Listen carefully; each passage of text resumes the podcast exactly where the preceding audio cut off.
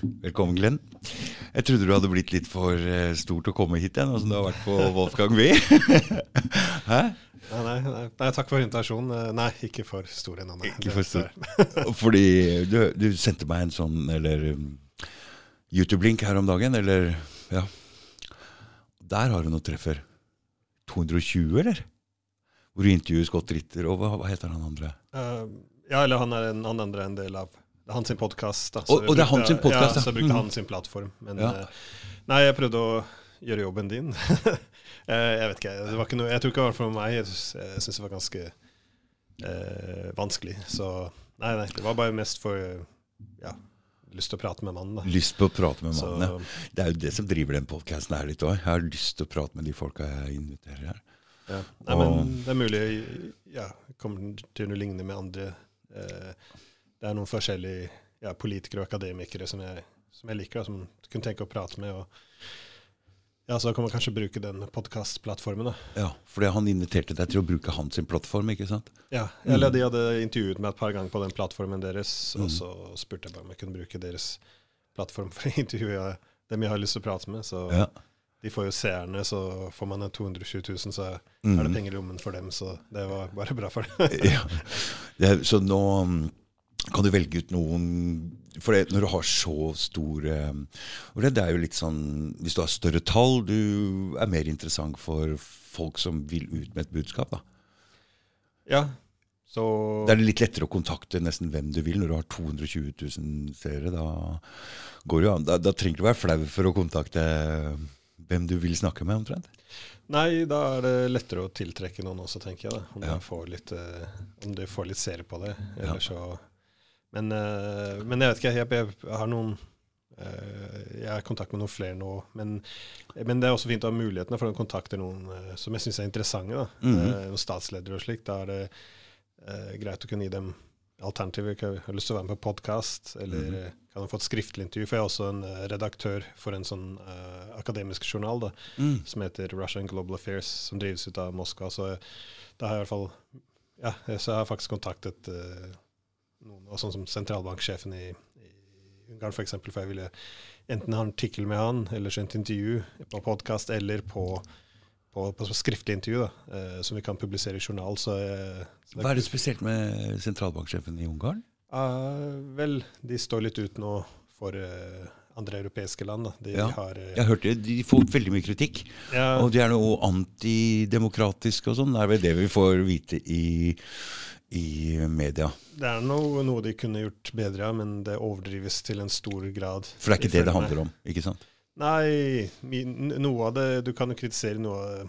Eh, De kunne jo hatt eh, ja, la oss si kjørt demokrati på en, ofte, på en bedre måte, men ofte så ser man at det, noe av det går på det ideologiske. Da. Så f.eks. når eh, statsministeren deres, han Viktor Orban, han sa vi har ikke lyst på kjønns, ikke lyst på den kjønnsideologien Mm, i skolen. Mm, mm, det er ikke populært. Eh, nei, så igjen, ikke noe radikale ting. Ikke noe kaste stein på homofile. Det var ikke noe i den retningen, men bare det som var normalt her for ti år siden. Da, at det er det jeg har lyst til å fortsette med. Så man kan være enig eller uenig, men reaksjonene syns jeg var ganske ekstreme i EU. Du hadde jo eh, statsministeren Nederland som sa de skulle tvinge eh, Ungarn på knærne. og så var Frankrikes president som truet med å få kastet dem ut av EU. Det var veldig sterke reaksjoner. Så det er ikke bare Vi, vi, vi antyder alltid til demokrati, da. For det er det som er eh, den faste plattformen når vi skal uh, ut sanksjoner eller fordømme noen. Men ofte så ligger det andre ting uh, vi er ute etter. Det er alltid demokratikortet vi spiller. Men, og noen ganger så ligger det noen sannhet der også, men, eh,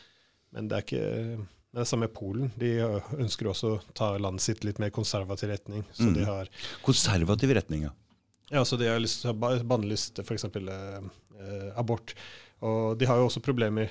De har jo gjort noe ja, rettssystemet deres, eh, demokrati. Det er mange, det er mange ting man, man kan legitimt kritisere, men, men, eh, men, men det er mye eh, som også burde være eh, akseptabelt. Jeg, Mm. jeg mener at, at man må si nei, nei, dette har, lov dette har ikke folk lov til å støtte. Dette, dette går utenfor hva grensen er. Nå skal vi straffe dere. Jeg synes, eh, min, min store bekymring er at eh, det europeiske huset ser ut til å stadig bli mindre og mindre. Da, fordi etter min mening, i hvert fall etter kalde krigen, vår største utfordring burde, jo, burde vært å få et felles kontinent med å overkomme konflikten fra kaldkrigen. Med andre ord prøve å få alle på en måte under ett telt. da, Og mm. det jeg ser, at vi har blitt mindre og mindre. Først så hadde jo dette med ja, at vi ikke fikk med det største europeiske landet, som er Russland. Be bevare disse dellinjene. Det var en stor feiltagelse. Og etter det så kom jo britene. De ville jo ha innenfor EU de ville jo ha litt mer selvstyre. Mm. Så de skulle jo ha uh, Ja, og det var rimelig argument. De sa vi ønsker ikke å ha overfor for mye makt fra nasjonale parlamentet, som er demokratisk mm. og representativ, til noen byråkrater i, i EU. Vi mm, mener ikke at det, ja, så vi er Brussel, så uh, vi vil bare ha litt mindre. Og det, da sa de nei til Cameron, og så, og så hadde de med brexit-avstemmingen sin, og, og, og de ja, forlot. Så nå ikke bare Russland ikke passer inn, nå passer ikke Storbritannia. Og så nå selvfølgelig er det Polen og Ungarn. Og man kan mene hva man vil om politikken, men de har jo levd under kommunismen. De har uh, hatt med oss av uh, mye av uh, alt fra religion, nasjonale tradisjoner, uh, kulturen sin tråkket litt på i løpet av mm. disse ti årene under kommunismen. Så det, for dem så ønsker de å ha, gå tilbake til noe av det tradisjonelle. Med andre mm. ord konservative. Det, du er ute etter det Bevare noe av det gamle? Ja, bevare noe av det gamle. Og, det, og, I, og sin identitet som ja, for, for det var jo noe, for det var jo noe det kommunistene men, prøvde å vaske litt ut også. Men, mm. men, nå passer ikke dem inn i europeiske hus vårt heller. Mm. Så det, det, bare virker som Hvor lite skal litt, dette bli? De har jo vært litt imot innvandring òg. Ja, ja. Ikke sant? Det, men det er jo en del av det å vaske ut uh, identiteten til et land nå. Så jeg forstår jo det. Det var noe med Ungarn jeg leste her nå, at de en, ville ha en folkeavstemning om sanksjonene mot Russland. Mm. Stemmer det? Det er ikke veldig udemokratisk. Nei, men det er en smart måte å formulere det på. fordi eh, Hamren vi alltid kommer med, er jo demokrati. Ja, eh, ja. Og det er litt av hvordan eh, ja, ja, la oss si propaganda fungerer. Alt, alt skal ha en eh, vinkling. Da, så alt skal vanligvis eh, Når vi skal fordømme noen, da må det alltid formuleres under demokrati. Så det er veldig smart at de må si om vi skal ha folkeavstemning, og folket sier nei, for da, da, blir det vanskeligere å, å, gå etter dem. Da. Um, men uh, men, uh, men, det de gjør, er jo ganske uh, viktig. Det er ikke bare hva Ungarn gjør, men når de, når de først sparker ned den døren og sier vi har ikke tenkt å være med på dette her, da åpner det opp for andre til å gjøre det samme. Så nå ser du jo eh, eh, Bulgaria også, så sier vi at da, vi, vi, eh, vi, vil gjerne frita oss selv fra disse sanksjonene. Vi, vi må ha energi, ellers så Ellers så blir det økonomisk kollaps. da. Mm. Uh, uh, ja, Vi kan ikke hoppe rett på det der. For du har skrevet en bok om propaganda, og vi prata litt om det oppe. Uh, og jeg satt akkurat og tenkte på hvor bare det Hvis jeg skal fortelle en historie mellom meg og en annen person, det er nesten umulig å fortelle alt. Det, det er bare det meg og den personen som veit at i den, selv om vi kan ha forskjellige meninger om det. Så vi er nødt til å forenkle når vi skal forklare noe. Det er bare sånn det er. Men hvor enkelt skal folk ha det? liksom? Og du tenker på den konflikten i Ukraina. Den er kjempekompleks. Det er uh, mange faktorer inne i bildet. Hvis du liksom går til hver eneste person som lever i grenseområdene, og, og, historisk og det er, det er, veldig komplekst. Men sånn uh, fungerer ikke propaganda. Nei, nei. Det er uh det må forenkles til det, ja. til det, enkleste. Ja, for det, det, er det, eh, det er det ofte propagandaen forsøker å gjøre. Da. Det er å eh, du har en kompleks verden, og du ønsker å Ikke sant? Det er veldig komplekst. Tenk alle de tingene som skjer rundt i verden nå. Fra ja, Iran til Kina, Russland, eh, EU. Du har med masse konflikt, mange problemer, mange mm. dimensjoner økonomisk. Det er, det, det er samfunnet, det er, det er, politisk. Det er mange, det er mange ja, ting å ta hensyn til. Ingen klar, ingen kan forstå ingen, all komplisert alt dette her. Så, men hvordan kan det ha seg at alle har så sterke meninger om absolutt alt? Det, ja. det må, ingen, har, ingen, sitter med den kunnskapen. Men mm. man trenger ikke ha kunnskapen, for litt av det eh, propaganda går ut på, at du gir noen eh, snarveier, sånn kognitive snarveier, noen, eh, ja, noen eh, rammeverk for å tolke alt som skjer rundt deg. Og det på en måte er eh, det som defineres som propaganda. Da. At eh, ja, at du skal lære oss for folk å snakke og tenke i klisjeer og slagord. Mm. Det, er der, det er der bevisst, det er der hele litteraturen på propaganda er bygget ut. Det er, det er eh, ja, det som er hensikten bak dette. Mm. Du sa noe forrige gang, eller en av de, du har jo vært der to ganger før. Og En av de gangene så sa du at uh, demokratiske land trenger mer propaganda enn et diktatorisk land, for det må jo ha folket med seg. Mens en diktator kan bare si sånn gjør vi. Vi trenger ikke noe propaganda her. Ja, ja nei, men Det er ikke så mye meg som har sagt det. Det var uh, de, uh, de, som kom opp med den første litteraturen rundt uh, propaganda. Da, som var folk som Walter Lippmann og Edward Bernays, som sa demokratier har mer behov for propaganda nettopp fordi skal du ha et folkestyre, da er det mer behov for å sørge for at folket mener det som er riktig, da, og mener det mm. samme. Ja, Mener det samme, ja, for å ha et sterkt land. Ja, eller så om det går forskjellige retninger, så kan det, det rives fra hverandre. Så ja. det var det som var interessant, så disse to på en måte var ja, gudfarene for, eh, for propaganda i litteraturen. Men de tok litt forskjellig vei. Først begge to mente at eh, det var viktig å kunne manipulere folka. Da. Og de brukte ordene selv 'hjernevaske'.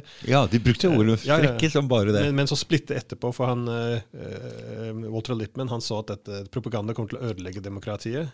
Mens han, Edward Bernays han sa nei, nei, det er Eh, for folk, eh, Mennesket er ikke så rasjonelt. Vi er et flokkdyr. Vi, vi, er lett å bli manipulert. Så mm. det er bedre å ha en god propagandist, som er ja, oss, eh, istedenfor at folket faller for eh, andre propagandister da, som ikke har like gode intensjoner som oss. Mm -hmm. Men, eh, men, selve, men, men det er et, oss, jeg tror folk ikke forstår at eh, at alle land benytter seg av propaganda. Men jeg tror folk, folk forstår ikke hva propaganda er, så det er derfor de det er så lett å, å, Man bruker ordet propaganda propagandistisk. Man, vi kaller eh, meningsmotstandere for propagandister. Og, mm, og, da, mm. og, da, skal man frarøve dem denne troverdigheten, og, og da sensurerer du debatt. Og, det er det som er litt av eh, propagandateknikken. For egentlig beste, eh, det beste mot uh, propaganda er fri tale. Mm, det, var, mm. det, var, på 30-tallet var det noen som Det var et vanlig argument. Da skal du ha Eh, skal vi bekjempe f.eks. sovjetisk propaganda? Ha en,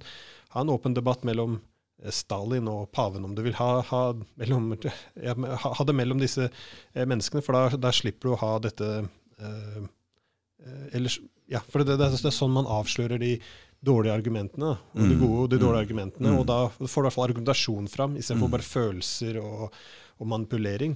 Så det er det beste du kan gjøre. Og noe av bekymringen var jo nettopp at ofte så man, bekjemper man propaganda med egen propaganda. Så man sier nei, nei, det er propaganda, nå skal vi stenge ned. Eh, vi skal ikke høre på dere mer, vi skal stenge ned, vi skal sensurere det. Og så skal bare vår mening komme fram. Mm. Eh, for den er den gode, og det andre er ond. Og det høres jo veldig kjent ut hva vi gjør nå. Det er jo ikke noe eh, Mener vi at f.eks. kineserne har propaganda? Hva, ok, la oss få, få kinesiske ambassadøren på TV, sett den sammen med en norsk politiker. La dem ha en diskusjon åpen, legge frem sine argumenter og la folket mm. bestemme basert på rasjonelle argumenter. Det er den beste kuren mot mm. propaganda, men det har vi ikke. Vi, vi sier istedenfor det, det, det er farlig det du sier. Mm. Dere lurer folket. Nå skal vi ikke ha noe eh, tale fra dere. Så la oss ikke høre hva kineserne har å si. Det, jeg er jo med i en sånn eh, Hva skal jeg si En slags sånn Jeg vet ikke hva jeg skal kalle det, men etter covid så er det noe sånn dere må våkne opp. Hva betyr det å være våken, egentlig, har jeg tenkt litt på. Og da, da må det vel være dette. At vi må se på ting, at de er litt mer komplekst, og snakke litt om det for å få fram mest mulig argumenter på begge mulige steder. Og få mest, en mest uh, riktig avgjørelse om ting og tang. At ting er litt vanskeligere enn å bare forenkle det sånn som en propaganda vil gjøre. Og dette er jo fra 1930-tallet ikke menneske, har ikke mennesket utvikla seg noe siden 1930-tallet? Må jo være det. Altså, vi, altså, dette er jo sånn man behandler barn, da, ikke sant, på en måte. Eh, folk skjønner ikke noe vi er nødt til å, De er så dumme allikevel, så vi er nødt til å lure dem til eh, slagord og enkle ting for å så, så da føler jeg at det er jo litt opp til oss menneskene som lever nå, å avsløre dette og si at vi faller ikke for det lenger. Og, men det er litt vanskelig å slippe til når media kjører et sånt um, men, men, det vil komme en motreaksjon mot alt som trykker for hardt, mener jeg. Så når media trykker sånn som det her, så vil det springe opp Vi ser jo det. Det er jo masse alternative kanaler rundt omkring overalt som har masse forskjellige meninger. Ja, vel, propaganda fungerer best i moderasjon, da, og det er litt av det problemet. Nå er alt skrudd opp til 100. Så, 100. Mm. Eh, så, så folk, man ser jo det eh, på Eh, du ser på spørreundersøkelsen, tilliten til media. Den mm. kollapser jo totalt. Mm. totalt overalt. I Storbritannia i hvert fall grotesk hvor mye det faller. Da. Så, ja. så da dukker det opp veldig mye alternativt. Mm. Uh, så, så, de skyter seg sjøl, ja, ikke bare i foten, men kanskje i låret til og med? Eller? Ja, helt klart. Og mm. ja, så mediene har mistet mye tillit, men nå, mm. men nå blir folk også mer bevisst på på sosiale medier at eh, faktisk eh, Facebook og YouTube og alle disse sitter, Google, at de manipulerer algoritmene. Og og de, de, de sier jo det ganske åpent. Så, så eh, men, eh, men man ser jo hvor fort ting eh, forandrer seg. Jeg vet ikke om du husker han eh, Alex Jones? Han Ja, ja, ja. jeg jeg syns han er litt morsom, men også litt gærning. Da. Kanskje det Ja. verste han gjorde, var vel å, å si dette her med det Sandy Hook-barna. Ja, jeg at, det var Mm. skuespill. Og, ja, så, så det var jo grotesk, så det fortjente jo eh, motreaksjon, kan man si. Men, Mm. men det som Så Så jeg er ikke her for å støtte eller hylle han, det er ikke som poenget mitt, men poenget er reaksjon. For han var jo en Han var den første som første. Ja, først, ja, Han var la oss ta med første. han Mm. først, for liksom, Ja. han er jo han, han sprer propaganda, bla, bla. Så la oss fjerne han. Så de Mm. slettet han helt fra Begynte å fjerne han. Men det var jo han, eh, for å si det sånn Jeg vet ikke om det var før eller etter Trump, men han faktisk hjalp Trump litt. grann. Du vet. Jeg så på det valget i USA, og vi fikk jo det midt under covid, midt i fleisen her. altså Det var jo sånn sinnssyke greier. Så jeg så jo det at uh, demokratene styrte det vanlige media. Så Trump tenkte ok, hvordan skal vi gjøre det her? Han styrte underground eh, media, da. De andre alternative kanalene, og, og Alex Jones også. Jeg vet ikke om han allerede hadde surra med den Sandy Hook allerede og var på en måte litt sånn ut av det, men han støtta jo Trump, for jeg tror det hjalp å gi litt sånn legitimitet i, i den leiren. da. Men for en valgkamp! Ehm, jeg som var litt sånn i denne uh, underground-media-greiene det- så, greia var sånn som det her. Demokratene kjørte Du er rasist rasistkortet mot Trump. Og Trump-leiren kjørte dere, Hva er verre enn rasist? Pedofili.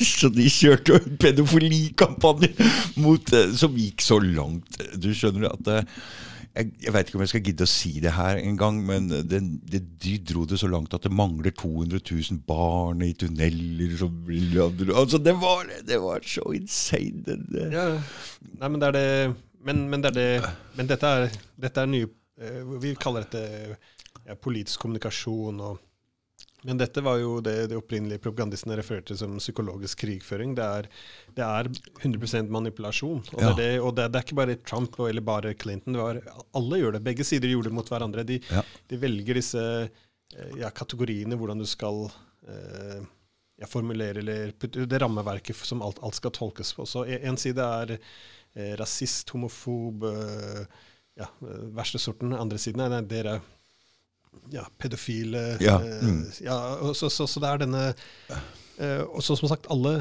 alle land bruker propaganda. Mm. Det var bare så ekstremt og så tydelig i USA i 2020-valget. Ja. Og nå, nå legger jeg merke til at det er et eller annet slags på gang i USA igjen. For nå dukker opp hele tiden videoer med Obama, med, med Hva heter hun derre Michelle? Men, men, men denne gangen så heter hun Michael. Og, ja, Er sett en mann. Nei, så jeg skjønner. Ok, nå er det snart valg i USA, tenkte jeg bare. For nå begynner det greiene der igjen. Nei, gal, gal. Ga galskapen kom jo. Og, nei, men Obama var interessant, for han var første som brukte et logo da, i, ak som en ja, branding i, i, i, kampanjen sin, så det var ganske unik sånn sett. Hva var det? Eh, han hadde den der solen som dukker opp for å vise håp og ja, alt det. Mm, Så, men, men det var det som var men det var også grunnen til at Trump, eh, hans store fordel, da, han, han var jo en merkevare. Trump er jo Navnet hans har vært eh, alt fra Reality, Ja, ja. you are fired. ja, ja, så han er en gående, snakkende Mm. markeds... Uh? Han er branding. Og, Ja. Så han, han bare tok ja, universiteter, biff, uh, realityshow bare tok ok, så president.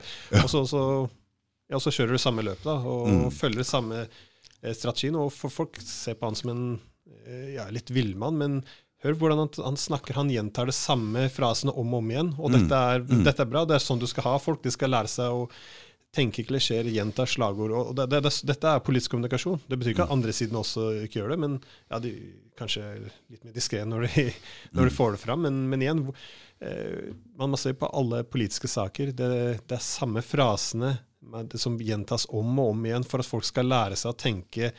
Eh, det var George Or- Orwells argument. Da, om du kan lære folk å, å snakke i klisjeer, så kan de tenke i klisjeer. Og Mm. det er det vi ønsker. da. Mm. fordi, som sagt, det er det, det ofte vi ser med, eh, med, med, med propaganda. Du skal lære for Mennesket på en måte har to sider. Du har det rasjonelle, som er definert individet, kan være veldig rasjonelt, men så har du også da definert av gruppepsykologien, og Mm. den er dypt, dypt irrasjonell. Mm. Vi er eh, ja, etter tusen år i jungelen, vi opererer i grupper, der det mennesket hører hjemme, Mm, mm. så er vi eh, ja, vi er eh, det på norsk, wired til å, til å tilpasse oss gruppen. Altså mye av det vi gjør, Mm. veldig mye, er, eh, er instinktivt, og vi tilpasser oss gruppen. Mm. Så det er det eh, Og dette, dette så jeg veldig under covid, hvor det var utrolig Det var helt Og det er det samme nå.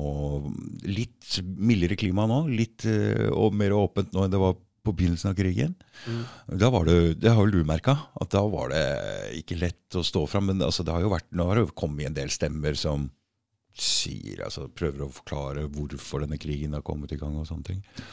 Ja, men, men, men covid er et godt eksempel, for aldri på noe tidspunkt så setter vi oss ned og diskuterer ok, vel, hva er, eh, hva er hvor, hvor, hvordan smittes man, hvordan er, eh, hvordan er det lett å stoppe dette, hva er alternativene? Aldri, Det gikk ikke sånn mye ned til de rasjonelle argumentene. Istedenfor ser man at hver, hver camp måtte trekker seg inn i eh, Ja, men den campen, denne campen var jo bitte liten til å begynne med. Det var bare Å, ja. noen få stemmer.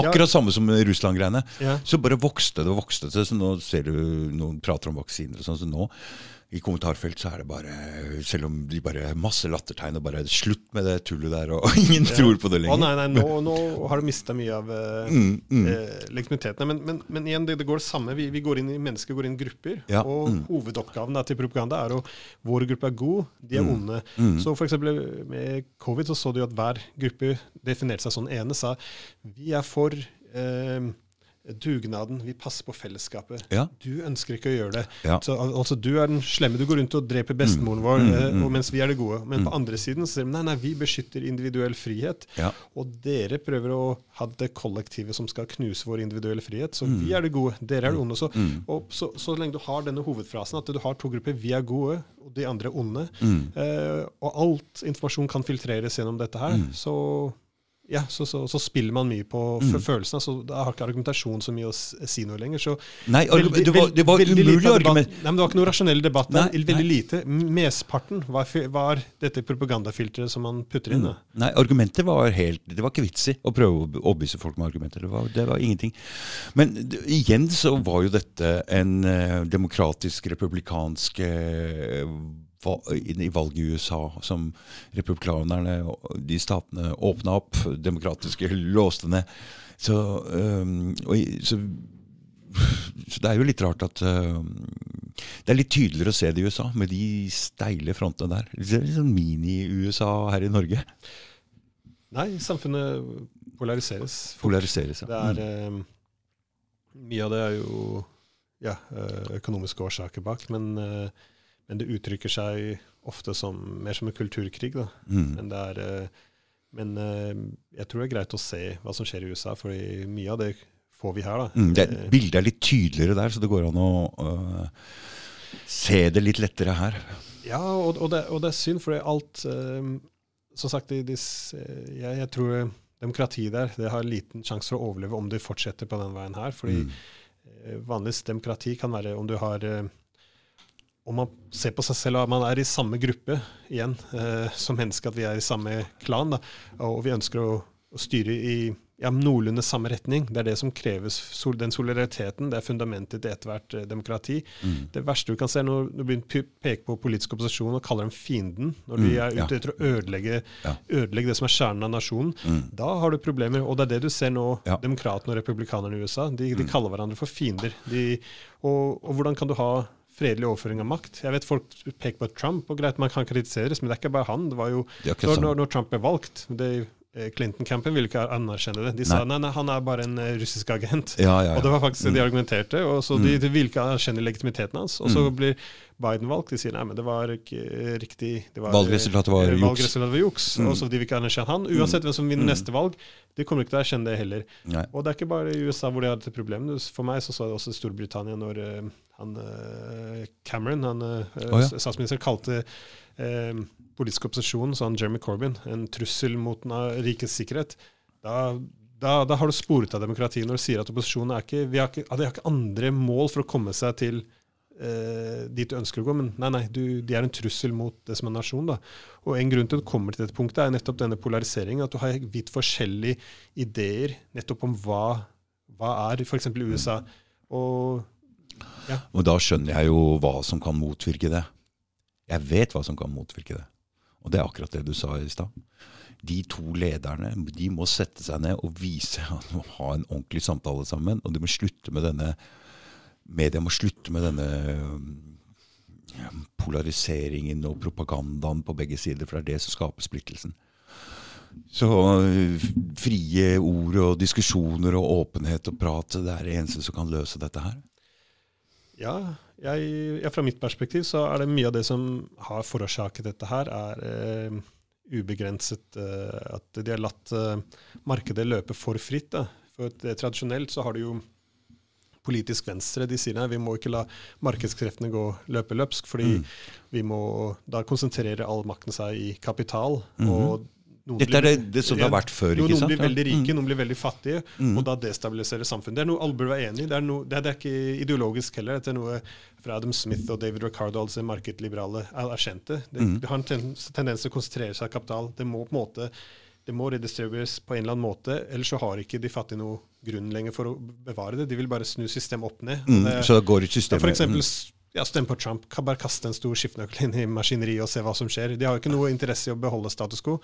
Og så har det politisk høyre. De også ønsket å begrense markedskreftene generelt, eller eh, tradisjonelt, eh, ved å f.eks. bevare tradisjonelle verdier, eh, tradisjonelle samfunnet, eh, ja, trossamfunnet, kirken, alt, alt dette. der. Det, var jo, selv, det var Reagan, Ironisk nok så var Reagan som ville ha mer som konverterte konservatismen inn til en ja, fanatisk markedsliberalisme. Men, han, oh ja, men, selv, oh ja. han, men Mm. selv han sa jo om vi ender opp med et land hvor alt bare telles i dollar, hvor på en måte familien, eh, ja, trossamfunnet, eh, tradisjonelle samfunn, alt, alt blir oppløst eh, eh, ja, av det økonomiske økonomisk interesse for det. Eh, Mm. Med andre ord, eh, det er ikke fordelaktig å ha foreldrene rundt. Eh, Det er mer økonomisk bekvemmelig å putte inn med alderskjem. Gjør- La oss gjøre det. Og det Mm. passer ikke å ha barn akkurat nå. Ok, la oss abortere det. Om man ender opp med at all verdi måles i dollar, så argumenterte jeg at da er vi ferdige som et land. Men han, han satte jo i gang den prosessen. Mm. Og fra, fra mitt perspektiv, dette er litt av problemet de har i USA nå. At uh, ideologiske venstre og høyre de har begge en jobb å gjennomføre. Men, som, uh, men de kan ikke gjøre det når markedet skal, ikke kan begrenses på noen måte. Og så eksempel om man ser hva som skjedde i eh, USA siden slutten Hva mener du med at markedet ikke kan begrenses på noen måte? Ja, vel, la Med oss, skattlegging, sånn, eh, hva, omfordeling av hva, hva, ja, at mark markedskreftene er jo eh, flotte. De er flinke til å eh, ha mest effektiv Om alt styres av markedet, da blir mest effektive eh, ja, distribusjon av, av kapital. Penger går dit hvor det skal være. Ja. Alt er så Mm. effektivt som mulig. ja. Men, men, men la oss f.eks. se hva de gjorde forskjellig i Japan på 80-tallet. De sa jo nei, men det, da faller mange gjennom sprekkene Mm. eh, når f.eks. det er noen endring i markedet. Så de sa det er bedre å ha det de kalte full employment, at alle er da eh, alle er i arbeid. Da må staten gå inn og Ja, så Da må staten gå inn, ta litt skatt av oss de rike, og Mm. så Mm. finne programmer Ja, for at eh, mm. Og i Japan så hadde jo Gikk du på bensinstasjonen, så var det noen som fylte opp tanken for deg. Bare pass på at alle hadde noe jobb. Riktig. Fordi uten dette så har du sosiale problemer. Så Det er på en måte Mm. den modellen de hadde. Og så Mm. hadde den mer eh, frimarkedsmodellen til eh, britene og amerikanerne, hvor de ville ønsket mer eh, fleksibilitet i markedet. Mm. Spesielt etter stagnasjonen på uh, 70-tallet, så var dette noe de ønsket å gjøre på 80-tallet for å få alt i gang. Og det fungerer jo, men Mm. det er mange som faller gjennom eh, sprekkene da. Ja, for det, eh, da mener du at eh, rikdommen blir skjevt fordelt i Ja, samfunnet når det- er sånn? Mm. ja, Så, så hva, er, eh, eh, hva, er, eh, hvordan, hva er løsningen her?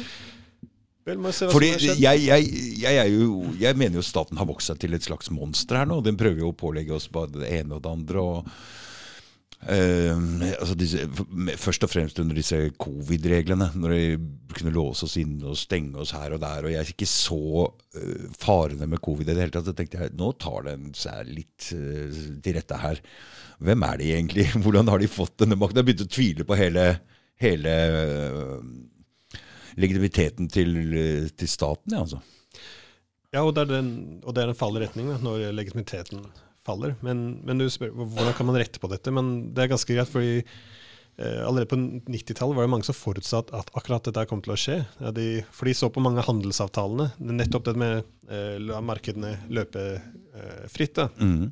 Så de sa på slutten av 80-tallet, begynnelsen av 90-tallet eh, Det var ekstrem eh, frihandelsavtaler. Amerikanere ønsket da å, å kunne forlenge eh, sånn intellectual property rights, nå vet jeg ikke på norsk, men uansett, eh, og, og kunne da eh, utnytte sin posisjon innen finans, eh, IT-teknologier, eh, for å ta denne fine eh, andelen da, i internasjonale markeder. Men på, men på sin side måtte det åpne opp f.eks. sin industri for utenlandsk konkurranse. Så det som, det som var fint for dem, var jo de så igjen, de tok IT-markedet, finans, alt dette, men eh, alle industrijobbene deres gikk ut, da, ut av landet. Mm. Så mye av ideen var jo ok, alle disse som jobbet nå innen produksjon, og eh, ja, de som lagde bilene alt- de vil ja, lavest utdannelse. ja, de, ja de, de, ideen var at alle de skulle da i, få ny utdannelse, og alle ble IT-ingeniører, gå opp i mer ferdigheter, mer lønn. Mm. Men det motsatte skjedde. De fikk mindre lønn, mindre ferdigheter. Alle de gikk for å over, eh,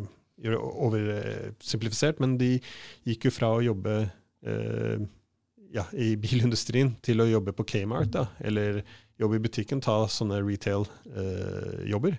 så de gikk ned i lønn, mindre ferdigheter, og så da begynte landet å polarisere seg. Da så du de rike på kysten og i Mellom-Amerika, så så du ja, at eh, jobbene forsvant. eh, og ja, mange gikk inn i fattigdom. Mye av jobben gikk ut, så så mye av narkotikaen som kom inn, fordi dette er jo mennesker. Mm. Eh, så, så ha denne ekstreme internasjonale arbeidsfordelingen, hvor ja, amerikanerne til finans, eh, eller samme i England, eh, London tar finansen, og så resten av landet kanskje begynner å slite mer. Og da ser du jo, når du har slike hvordan de ser på hverandre. Så på kysten så ser de mot eh, De sier jo at globaliseringen har vært fantastisk, se hvor mye vi har tjent, se, Mm. se hvor velstående vi har blitt. Mm. Mens, eh, eh, mens i de områdene hvor all industrien forsvant, så sier man nei, all den globaliseringen, vi har sett alle jobbene har gått ut, vi har Mm. innvandring som kommer Mm, inn og tar mm. de siste jobbene. Mm. Dette presset lønningen nedover. Dette, Mm, vi, vi har jo mm, mm. tapt på alle måter. Så det, Og- de kjøres egentlig mot en ja, ja. Og, og, og, det, og dette er en helt legitim eh, måte å se på det. En del land har tjent mye, den andre delen har tapt mye. Og, og, og, og det kan man jo si på en objektiv måte. Dette er virkeligheten. Men så skal jo alt eh, nå filtreres gjennom disse nye virkelighetene. Så da er det jo på den ene siden så ser de på, på kysten ser de disse folk som mistet industrijobbene, og disse tilbakevendte, utdannede, rasistiske migranter. ja, ja, ja. Og de liker ikke kvinner som jobber. Igjen, det, dette er retorikken til ja, og så ser du da så ser du dem som representerer alle de som mistet jobbene sine. Mm. det, det faller ned Trump-campen, og de sier jo da ah, se på disse globalistene, de bryr seg ikke om annet. Alt de bryr seg om, er eh, å tjene eh, ja, i, ja, i disse internasjonale organisasjonene og, Mm. og ha mer immigrasjon. De bryr seg ikke om nasjonale identiteter. Så, så, Så, det betyr ja. egentlig, eh, Glenn, at når, når flest folk blir fattige, så blir det en slags revolusjon. Og samfunnet går til går, rakner. Ja. Nei, men Og, og sånn vil det, så det er det det egentlig betyr. Hæ? Ja, for en nasjon på en måte er en stamme. da. Mm. Vi må passe på Mm. hvor- hvordan skal vi fortsette å være samme stamme. Og i USA Ja. de, ikke, de, de har to forskjellige stammer nå, og de liker ikke hverandre. De, de hater hverandre. Mm. Og de har to forskjellige ideer hva det betyr å være amerikansk. hva er det, To forskjellige ideer om hva som er verdien deres. Og hvem er den største fienden mot, ideen, mot deres verdier? Er det noen utenfor landet, eller er det de som bor innenfor samme eh, landegrenser? Du, Glenn, nå, nå merker jeg at nå er vi inne på et område hvor du kan veldig godt. Hva er det du underviser i eh, på universitetet? Er det dette? Uh, ja og nei. Jeg, uh, jeg uh, ja, har undervist mange forskjellige ting over de siste årene i Australia og Russland, og slik, men eh, jeg har undervist eh, mest forskningsmetoder. Men jeg har nytt kurs nå som jeg utvikler for universitetet, som er mer innen eh, politisk sosiologi. og Og det mer, er det du prater om nå? Eller? ja, ja, det er skjæringspunktet mellom sosiologi og, eh, og eh, ja, politikk da, og politisk mm. økonomi. Mm. Så, fordi det, hele tanken er at det, før i tiden så dette, så, så trakk man alt dette sammen. Du kan ikke snakke om politikk og økonomi fra hverandre. De, er jo, det står nært hverandre. Men det samme med sosiologi. Du kan ikke trekke dette fra eh, politikken. Hva er sosiologi? Eh, Samfunnet, eller hva, hvordan mennesket og samfunnet fungerer. Ja. Fordi eh, for eksempel i økonomi så ofte snakker vi om eh, ja, ba, ba, bare om tall. Eh, og, ja, og, men, men vi glemmer at mennesket er et eh, ja, dypt, ikke irrasjonelt nødvendigvis, men vi er eh, Vi har eh, instinkter. instinkter Mm. som, som Mm. må, må, må, må tas hensyn til. Mm. Så um, Og det, det er dypt rotfesta, spesielt i et land som Norge, hvor vi er nødt til å ha vært del av en gruppe hvor det har vært vinter. ikke sant? At vi må være en del av en gruppe for å overleve. ja, nei, men det går for eh, alle. Alle. Alle, alle mennesker. Vi er Ja. tusenvis av år. Vi har organisert oss selv, selv i grupper. Og, Mm, og dette, er jo, dette ligger i kjernen av all sosiologi. Da, at, vi, Mm. at dette er hovedimpulsen til, Det er eh, veldig interessant til tema. Ja, men, du, hver, hver gang du har vært her, så har jeg tenkt jeg blir, veldig, jeg blir mye smartere etter at du har vært her. Og jeg føler det samme igjen. Altså, du, du, du, du forklarer ting på en helt uh, altså Jeg er jo ikke så veldig belest i sånne ting, men altså, når du forklarer, så skjønner jeg det godt. Så ja, nei, takk, takk. nei, men uh, poenget er at det da eh, At det må Ja, du, kan ikke ta eh, sosio- sosiologien ut av politikken eller økonomien, fordi eh, ja, alt er bundet ganske nært med hverandre. Og mm. ja, som nevnte, gruppen, det er det viktigste. Det, det, er- igjen, det er det gruppen som blir brukt i, også i propaganda, f.eks. Så det er, eh, det er noe som utnyttes, eh, og som man man må være bevisst over. Mm. Så Så du, Jeg har jo noen folk på Facebook som prater om vi nå lever i tredje dimensjon, vi må opp i femte dimensjon. Og, og det handler om å våkne opp. og Jeg skjønner det, Når du forklarer ting sånn som det her, så er det jo lett å se hvor folk må, må rett og slett være litt mer lo...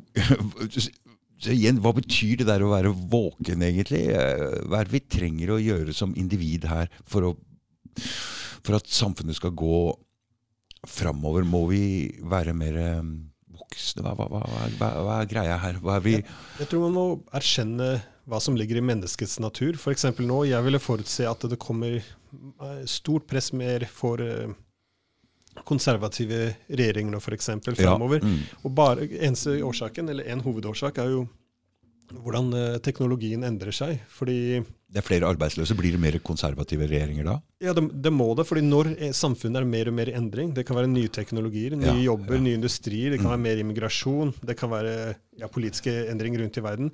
Eh, jo mer endringer det er eh, Dette er ikke nødvendigvis eh, eh, ja, bra, bra for mennesket. Mennesket trenger også noe håndfast, noe som binder eh, nåtiden til fortiden. Noe som er permanent. Og hva, er det som er permanent? Du har nasjonalidentiteten, du har eh, familien, du har religion. Dette er på en måte ting som er evigvarende. Eh, og, og når, du, når, det er, når det er store endringer, når det blåser mye rundt deg, da, da, da trenger mennesker et eller annet fast å holde til. da. Mm. Og vi trenger mennesker rundt oss. Ja, ja, det også. Gruppen. Den er, eh, det er noe som er Familie i hvert fall. Vi, vi, det som er her nå, at vi sitter jo, Norge er veldig sånn at vi sitter liksom rundt i hver vår leilighet. Det er noen som driver og prater om noe som er litt redde for hva som skal skje i framtiden. Å lage et eget samfunn og kjøpe en gård. Jeg må si at tanken tiltaler meg. Å kunne bo sammen med andre mennesker og ha flere folk rundt seg. En slags stamme, da, på en måte.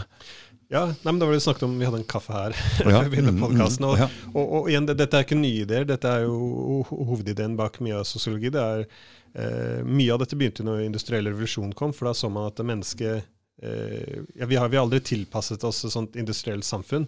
Nei. Så, ja, så det vi snakket om var jo f.eks. Eh, noen av de studiene som da kom fram i Frankrike, var når de industrialiserte, at eh, individet sto alene. Mm. Ble mer og mer eh, isolert fra, fra, fra familien, fra gruppen. Mm. Eh, igjen, du tok mye av godene fra å arbeide individ, fra individet. Uh, når individet jobber alene, men allikevel, eh, mye av kostnadene falt også på individet. Og uten gruppen rundt seg, så gikk selvmordet gjennom eh, Ja, Mm. det, gikk fantastisk eh, opp Mm. i luften. At det var, eh, og det var jo litt av eh, paradokset at når velstanden begynte å øke, så begynte også mennesker å ta livet av seg, av seg selv i større grupper. og man, man så jo også hva som var eh, medisin mot dette. Og da, sammenlignet jo f.eks. For forskere som han Durkheim for, uh, sammenlignet uh, protestanter og katolikker. fordi Katolikker er litt mer familiekjære? Ja, ja, ja som f.eks.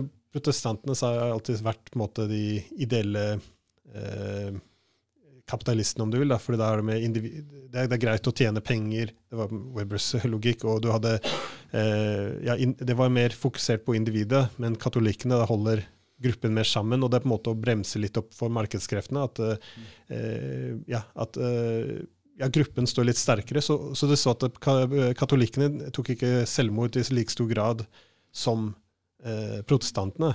Nå, men årsaken vi snakker om dette, er jo Uh, Igjen, jeg brukte tidligere et eksempelet med Nord-Korea. Nei, unnskyld, Sør- Sør-Korea. Ja, ja, ja. For det er det Mm. mest avanserte landet, om du ser på antall roboter for eksempel per Mm. individ. Eh, Mm. automasjon, hvor fort dette har gått. Mm. Og du ser jo hva som skjer i dette samfunnet når så mye endrer seg, og du har mindre faste ting å holde deg fast i. Eh, hva skjer da? Jo, de har laveste eh, reproduksjonen, altså kvinner som har barn. Eh, 0,8 barn per kvinne. Mm. Eh, man trenger 2,1 for å kunne reprodusere seg, pluss eh, høyeste selvmordsraten, en av de høyeste, om det ikke den høyeste, blant eh, utviklede land. Så de får ikke barn, og de tar livet av seg selv i store tall. Og dette er jo nettopp fordi mennesket har aldri tilpasset helt dette industrielle samfunnet. Vi har jo som sagt tusenvis av år organiserer også grupper for sikkerhet, mening, tilhørighet, eh, alt sammen. Også, Ok. ja. Så nå, nå, nå skjønner jeg litt grann hvorfor Facebook la- lager det nye som heter Metaverse, hvor du kan lage din egen avatar. Ja. Du kan eh, samhandle med andre mennesker inni en gruppe og lage ditt eget hjem og bygge ting. Og, så så meninga er at vi skal kommunisere med hverandre på nettet? For, for å Eh. motvirke den uh, ensomhetsfølelsen som vi kanskje sitter med rundt omkring i, i de industrierte landene? Ja, men jeg vet, ja, igjen, jeg vet ikke om det, vi klarer å reprodusere digitale tilhørigheten eh, for å erstatte det virkelige verden. Nei, Eh, det, altså, det, det blir, en, blir en slags dårlig erstatning. Men Ja. eh, folk søker jo på nett uh, hele tiden til å føle en slags form for nærhet med andre mennesker. da. Ja, jeg, har, jeg tror jeg har 5000 venner på Facebook, jeg kjenner ingen av dem. Så Ja, du kjenner meg, da. Nå, ja, veldig få. Ja, ja. Nei, men, men, men poenget er jeg, jeg, jeg, jeg, tviler på at jeg kan eh, erstatte det som en ny mening. Jeg tror mye av det som har uh, skadet samfunnet i dag, er nettopp at det digitale har eh, gått så f- Går for fort. Ja, gått for fort, ja. Så man ser at det blir ikke virkelig. da, det er Facebook-venn eller Nei. LinkedIn eller YouTube-venn din. Det er ikke ordentlig venner. og det er samme, Du ser hvordan man gjør noe også med kjærlighetsliv, at man skal bruke Hva er det det heter? det der swipe? Swipe, swipe, ja, Tinder, Tinder, og ja, ja, ja. At, at det blir veldig ja, Mm, my, my, Alt er bare transaksjon, og det Mm. ja, At, at, det- at det ødelegger eh, mer enn det hjelper. da. Eh, sikkert det hjelper noen, men jeg tror det ødelegger mer enn det I De tre siste damene jeg har truffet, jeg har truffet på Tinder. Hvor ellers skal jeg treffe dem, Glenn? ja, Eh, Eller ikke Tinder, men i hvert fall en sånn uh, datingapp. da. Ikke Tinder, var kanskje jeg husker ikke var et eller annet annet.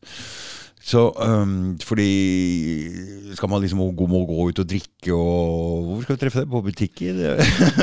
Vet ikke.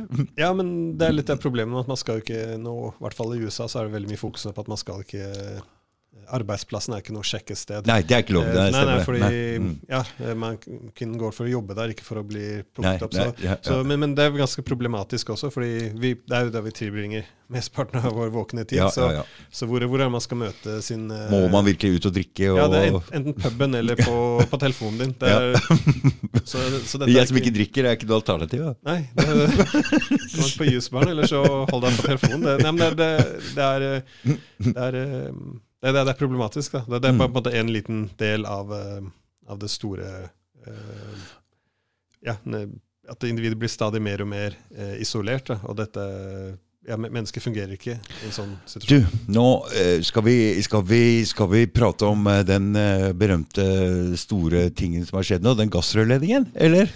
Ja, ja. ja, Når jeg snakker om propaganda, så passer den veldig godt inn. Det. Faderen. Så la meg bare si hva jeg mener om det der. Altså, ok, så um, All, all logikk tyder på at uh, Russland ikke har sprengt sin egen gassrørledning. De hadde ikke noen motiver for det. Eh, hvis de har gjort det, så vil jeg anta at det er en slags sånn false flag-greie. De gjør det for å legge skylda på USA, for å splitte for det. Vi ser jo denne krigen er jo en stor internettkrig, en mediekrig, en eh, jeg vet ikke hva jeg skal kalle det, en propagandakrig. Fordi hadde det ikke vært for eh, media, så hadde ikke jeg merka noe krig. Og det gjelder de aller fleste rundt omkring i verden. Men likevel så er det det store, store hva skal si, samtaleemne eller krangleobjekter, eller hva det vi skal si. Så, men false flag operations det har jo USA blitt beskyldt for når det gjelder 9-11, Gulf of Tomkin. Mange, og tyskerne ble beskyldt for å gjøre det, eh, for å kuppe At de brant den bygningen og tok og kuppa og sa det var de andre og sånne ting. At du gjør en ting sjøl og legger skylda på den andre. Dette har jo blitt kalt for konspirasjonsteorier som ingen har villet ta i med en ildtang engang. Ingen offentlig ordentlige personer. Men nå er det visst greit å si at Russland har gjort det. For det, det kan ikke være noen annen grunn til at Russland har gjort det? Eller er, er det noen andre argumenter? Vel, uh, jeg, jeg, har ikke noe informasjon om uh, hvem som gjort det, og det man hører nå, er at ingen andre har noe informasjon. Til og med CIA sier de har ingen anelse. Nei. Det er eneste jeg vet at noen har sprengt det. Så jeg, jeg har ikke noe jeg, jeg, vet ikke hvem som har gjort det. Det eneste jeg ser på med stor interesse, er jo medienes uh, hvordan de opererer. Mm. For de sier jo at nei, nei, det er ingen som har gjort noe, vi, vi har ikke noe informasjon om det.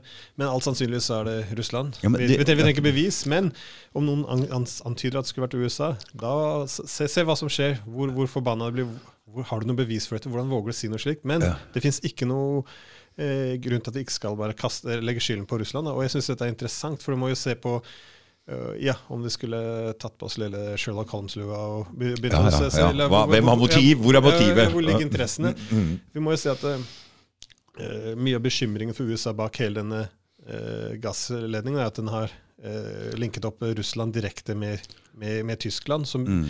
Og dette har vært et historisk problem. Nå har den store industrikjempen eh, Tyskland, mm. eh, som eh, legger seg nærmere denne store ressurskjempen da, som er Russland, ja. at det da former dette en stor eh, interesse som da gjør at amerikanerne, og før det britene, altså det var stor bekymring på 1800-tallet, de mister mer og mer flytelse på, mm, mm. på europeisk kontinentet. Så uansett, det har vært bekymringen til amerikanerne.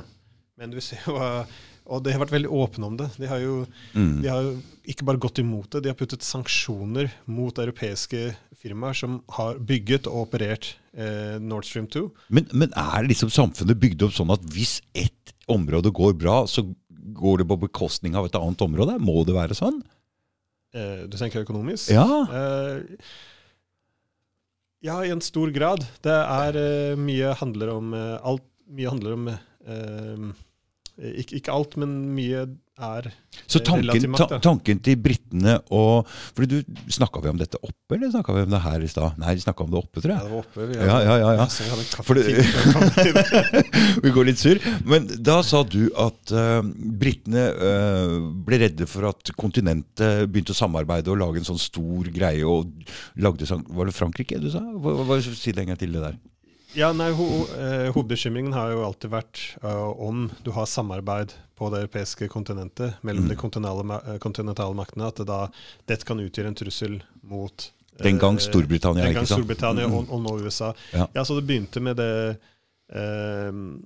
Frankrike på begynnelsen av 1800-tallet under Napoleon, som, bygget dette ja, På engelsk kaller det Continental System. På norsk så nå glemte jeg hva norske ord vi har for det, men uansett var kontinentalt system. Da de puttet blokade mot, mot britene, og så mm. skulle da uh, ja, skape samarbeid mellom europeiske makter. Mm. Dette var noe som også tyskerne tjente mye på, uh, med tanke på industrialisering, og noe de ønsket å gjenskape i ettertid. Mm. og, og Går det an å se disse to verdenskrigene i, litt i lys av at Tyskland trengte å bli knust, og at det var engelske interesser i det her? Å splitte kontinentet og det europeiske kontinentet? Ja, eller jeg tror det er mye likt, mer likt tror jeg, mellom Tyskland Uh, før, verden, før, unnskyld, før, første verdenskrig og det som er Kina for i dag. Fordi Tyskland Det var jo et, eh, det var et Storbritannia som var uh, den ledende makten, men du så mm. at Tyskland begynte å bli uh, ja, mye, sterkere. Rundt, mm. jeg tror rundt 1898 så var det Da hadde de samme f.eks. Uh, jernproduksjon som britene, men i 1914 så hadde de dobbelt så mye. Altså de, ja, ja. de, de, mm. industrialiserte de ble mm. fryktelig mm. De ble for sterke da, til å bo i et britisk dominert eh, Europa. Og de prøvde da for, å dytte i forskjellige retninger. De prøvde å ha, sette opp f.eks. jernbaner mot Bagdad for å kunne eh, ja, binde seg med mot internasjonale markeder. Men de likte jo ikke britene, de likte ikke franskmennene, de likte ikke britene, russerne likte ikke, fordi da gikk de inn på deres markeder. De prøvde mm. å bygge seg opp som en sjømakt, men det, mm. det var jo britene som skulle dominere sjøen. så da endte de opp med konflikt med britene. Så, Mm. så det var veldig vanskelig for dem. Det er, det er litt paradoks, for internt i Tyskland så har de mange fordeler. Det elvesystemet gjør at de har Ja. veldig effektiv, Mm. effektiv økonomi eh, internt. Men for å binde seg til internasjonale markeder, så sitter de litt låst eh, Mm. inne i Europa. De har franskmennene på, på sin vestlige side, russerne på øst, og så hadde de Mm. tyrkerne nede, og Mm. britene som kontrollerte havet over dem. Så, det, Mm. så de har alltid vært litt eh, eh, lå, lå- låst inne. da. Mm. Men eh, For da prater vi hav, ikke sant? Ja, ja. For det har vært eh, Alle sivilisasjoner, alle byer og sånn ligger jo ved store elver og må jo ha kystlinje. Ja, ja nei, det, det, er, eh, det er litt av det som er stor eh, Det som har vært Ja, i, i gamle dager så hadde du den gamle Silkeveien som gikk over raske raskt kontinenter, lang, over landkorridorer. Men Mm. de siste 500 årene, Vestens dominanse dominans de siste 500 årene, har i stor grad vært ikke bare teknologien, men også at vi har kontrollert eh, ja, de maritime transportkorridorene. Så det har jo begynt på begynnelsen av 1500-tallet, og det har holdt på ja, ser til å begynne å komme mer mot en slutt nå. Da. Men, Mm. eh, men det har jo alltid vært eh, fra gamle Hellas til nå. Det har alltid vært viktig. å Kontrollere havene, så du, kan du ha mer, eh, gjøre mer eh, avhengig av eh, eh, ja, handel. Og, og eh, du kan også ha mer effektivitet blant militære. Så Mm, det er jo mm. det er noe det er fordelen derfor for Norge å alliere seg med land som Storbritannia og USA. De har kontrollert havene, og vi er en Hav. Hav. ja, vi, vi vi, vi trenger havet. Ja. Eh, problemet for land fra ja, historisk Tyskland, det er jo når de har blitt avhengig av havet for eh, matimport, så har jo britene kunnet kuttet av dette her og sulte Mm. dem i hjel. Mm. Og det samme gjelder jo russerne og kineserne. Når de eh, blir for avhengige av havet, så kan jo Riktig. britene kom og, og kutta av dem også. Det er noe de har, i, i hvert fall siden 1850-tallet, vært veldig bekymret for. Både Mm. russerne og, og eh, kineserne. Mm. Så de har ikke ville ønsket å eh, gjøre seg så avhengig av disse eh, ja, eh, maritime transportkorridorene, nettopp fordi det er der britene har kommet inn, eh, både mot kineserne og russerne. Så, så havet, er ganske, havet er viktig, men det er noe nå som de eh, jobber for å eh, I hvert fall russerne og kineserne jobber for å få, eh, få snudd litt på hodet nå. De ønsker nå å ta Ha- litt mer kontroll der. På, på havet? Ja, ja. ja. Det det, mye av det de snakker om nå, det er den erasiske integrasjonen. Det er jo å, å eh, ja, ha med landkorridorer gjennom det erasiske kont- kontinentet, alt fra, altså fra ja, Kina til Europa. Du Mm. har jo alle disse jernbanene som nå bygges ut, Mm. og du har også ja, kineserne som prøver å ha større innflytelse over havene. Mm. Og også russerne. De har jo den arktiske korridoren de prøver å utvikle nå. Ja, ja. Det skal bli den Mm. raskeste og billigste eh, transportkorridoren Ja, hvis det smelter der oppe? Ja, de har allerede, ja, de har allerede begynt å smelte. Og eh, russerne har bygget veldig mange sånne isbrytere, så de, og det er langs deres eh, territorium. Så, Mm. Mm. Men igjen, dette er ikke nye, dette er ikke nye ideer. Det var eh, eh, eh, Ja, veldig på hvor, hvor mye tid jeg skal bruke. Nei, nei, nei, du trenger ikke, du trenger ikke bruke navn og sånn, men er, så, så, så eh, disse øy, altså u, Først Britann, eller eh, Briten, og så USA. De ønsker ikke en sånn europeisk eh, samhandling. Det er der vi kan se det i lysa mellom Russland uh, Den bekymringen for uh, billig russisk energi til Tyskland. Tyskland blir for sterke. Oh, ja, beklager, nå glemte jeg. Ja, Ja, ja, ja. sporet av. Ja, vi sporer, ja, vi- sporer litt av. Men, men, men det var bra at du dro den eh, rundt omkring, for det gir litt sånn bakgrunn historisk sett, hvordan dette henger sammen og hvordan det fungerer. For hvis vi skal forstå nåtiden, så må vi liksom gå litt og se hvordan det har vært før og hvorfor, og så det er litt lettere å se det. Ja, nei, men uansett, ja, uansett for å ja, oppsummere ganske kort. Ja, eh, det har alltid vært en bekymring for at Tyskland og Russland skal komme for nært. Det er noe britene har bekymret seg over, Mm. og noe amerikanerne har bekymret seg over. Det, det, ja, det, den er ganske eh, grei. Så, så uansett eh, Bare for å komme tilbake på sporet. Nei, så, nei, da, så amerikanerne har jo vært eh, De har jo uttrykt stort misnøye med dette her. Eh, Denne, det, Trump sa jo også det. hvor- Hvordan vi passer på sikkerheten deres, hvorfor kjøper dere gass av russerne? Så dette var noe de klaget mye over. Mm. Og i februar, før russerne invaderte eh, Ukraina, så gikk han Biden også ut. Og han sa vet du, det, om Russland angriper Ukraina, så skal vi få en stopp på den her. Og så er det Nord Stream 2, ikke sant? Ja, Nord Stream 2. Og så Mm. sikkert man har sett videoen, så spør han seg journalisten hvordan skal de gjøre det. Det er jo tyskerne som eh, kontrollerer denne, opererer denne eh, eh, gassledningen. Mm. Og vi skal nok få slutt på det. bare se. Så, så trusselen lå der. Du har samme fra Victoria Nuland, Hun, hun sa også det samme. Det var, mye, var mange, mange, mange trusler, veldig åpne, at, at de skulle få en slutt på den. Ikke, ikke ja, igjen, bruke veldig vagt språk, der vi skal få slutt på den. Så, Mm, mm, Og så sprenges den i luften. Eh, og i ettertid nå så ser du da utenriksministeren deres, eh, Blinken, som går ut i media og dette er en fantastisk, utrolig mulighet. Eh, tremendous opportunity var ordet han brukte. Eh, Det er utenriksministeren til ja, USA. ja, ja så, så det er ikke det at de sitter og sørger over at den er borte. Så de har vært veldig åpne om at dette er i, i deres interesse. Mm. Nå, og i kontrast så har jo russeren har brukt eh, milliarder på å Mm. bygge ut den her. Mm. Eh, dette skulle være en stor del av deres inntekt, å Og selge for gass. ikke, for ikke snakke om Tysklands avhengighet. Det, det, Ja. her, og, Politisk innflytelse. Det er avhengigheten. Mm, mm, mm. Nettopp. Så, så det skulle være stor avhengigheten. Og litt av avhengigheten kom jo nettopp det fra, som amerikanerne har sagt, å, dette er veldig farlig, for nå kan russerne bare skru av kranen når de vil. mm. Men plutselig er det ikke nok å skru av kranen. Plutselig har de tydeligvis sprengt eh, sin egen gassledning. Altså. så så det, det er veldig mye Det, det virker, Mm. eh, ja, la oss si, veldig tullete. Og eh, som sagt, det med han eh, det som også var interessant, Polens eh, tidligere ja, utenriksminister og forsvarsminister, han eh, Radek Sikorski, når, nå denne eh, ble sprengt i luften, denne rørledningen, så gikk han rett på Twitter da, med bilde av den gassen som lakk ut i vannet. Og så bare Mm. skrev 'Thank you, USA'. Men hvorfor, det- hvorfor, vil en, hvorfor vil en polsk utenriksminister eh, juble over at Tyskland ikke får gass?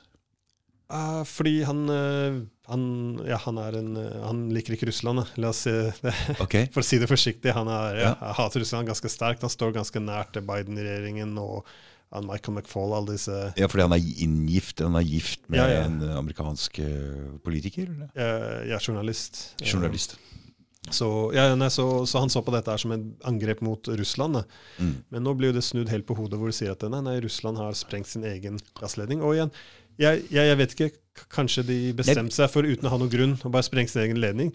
Men om det er tilfellet eh, det, det, det er fortsatt interessant hvordan mediene oppfører seg. For Mm. om man sier om man en gang forsøker å si vel, amerikanere har vel mer å tjene på dette her, Mm. så ja, da hagler kritikken fort. Da er du propagandist. Selv om utenriksministrene står på TV i intervju og sier at dette er en fantastisk mulighet.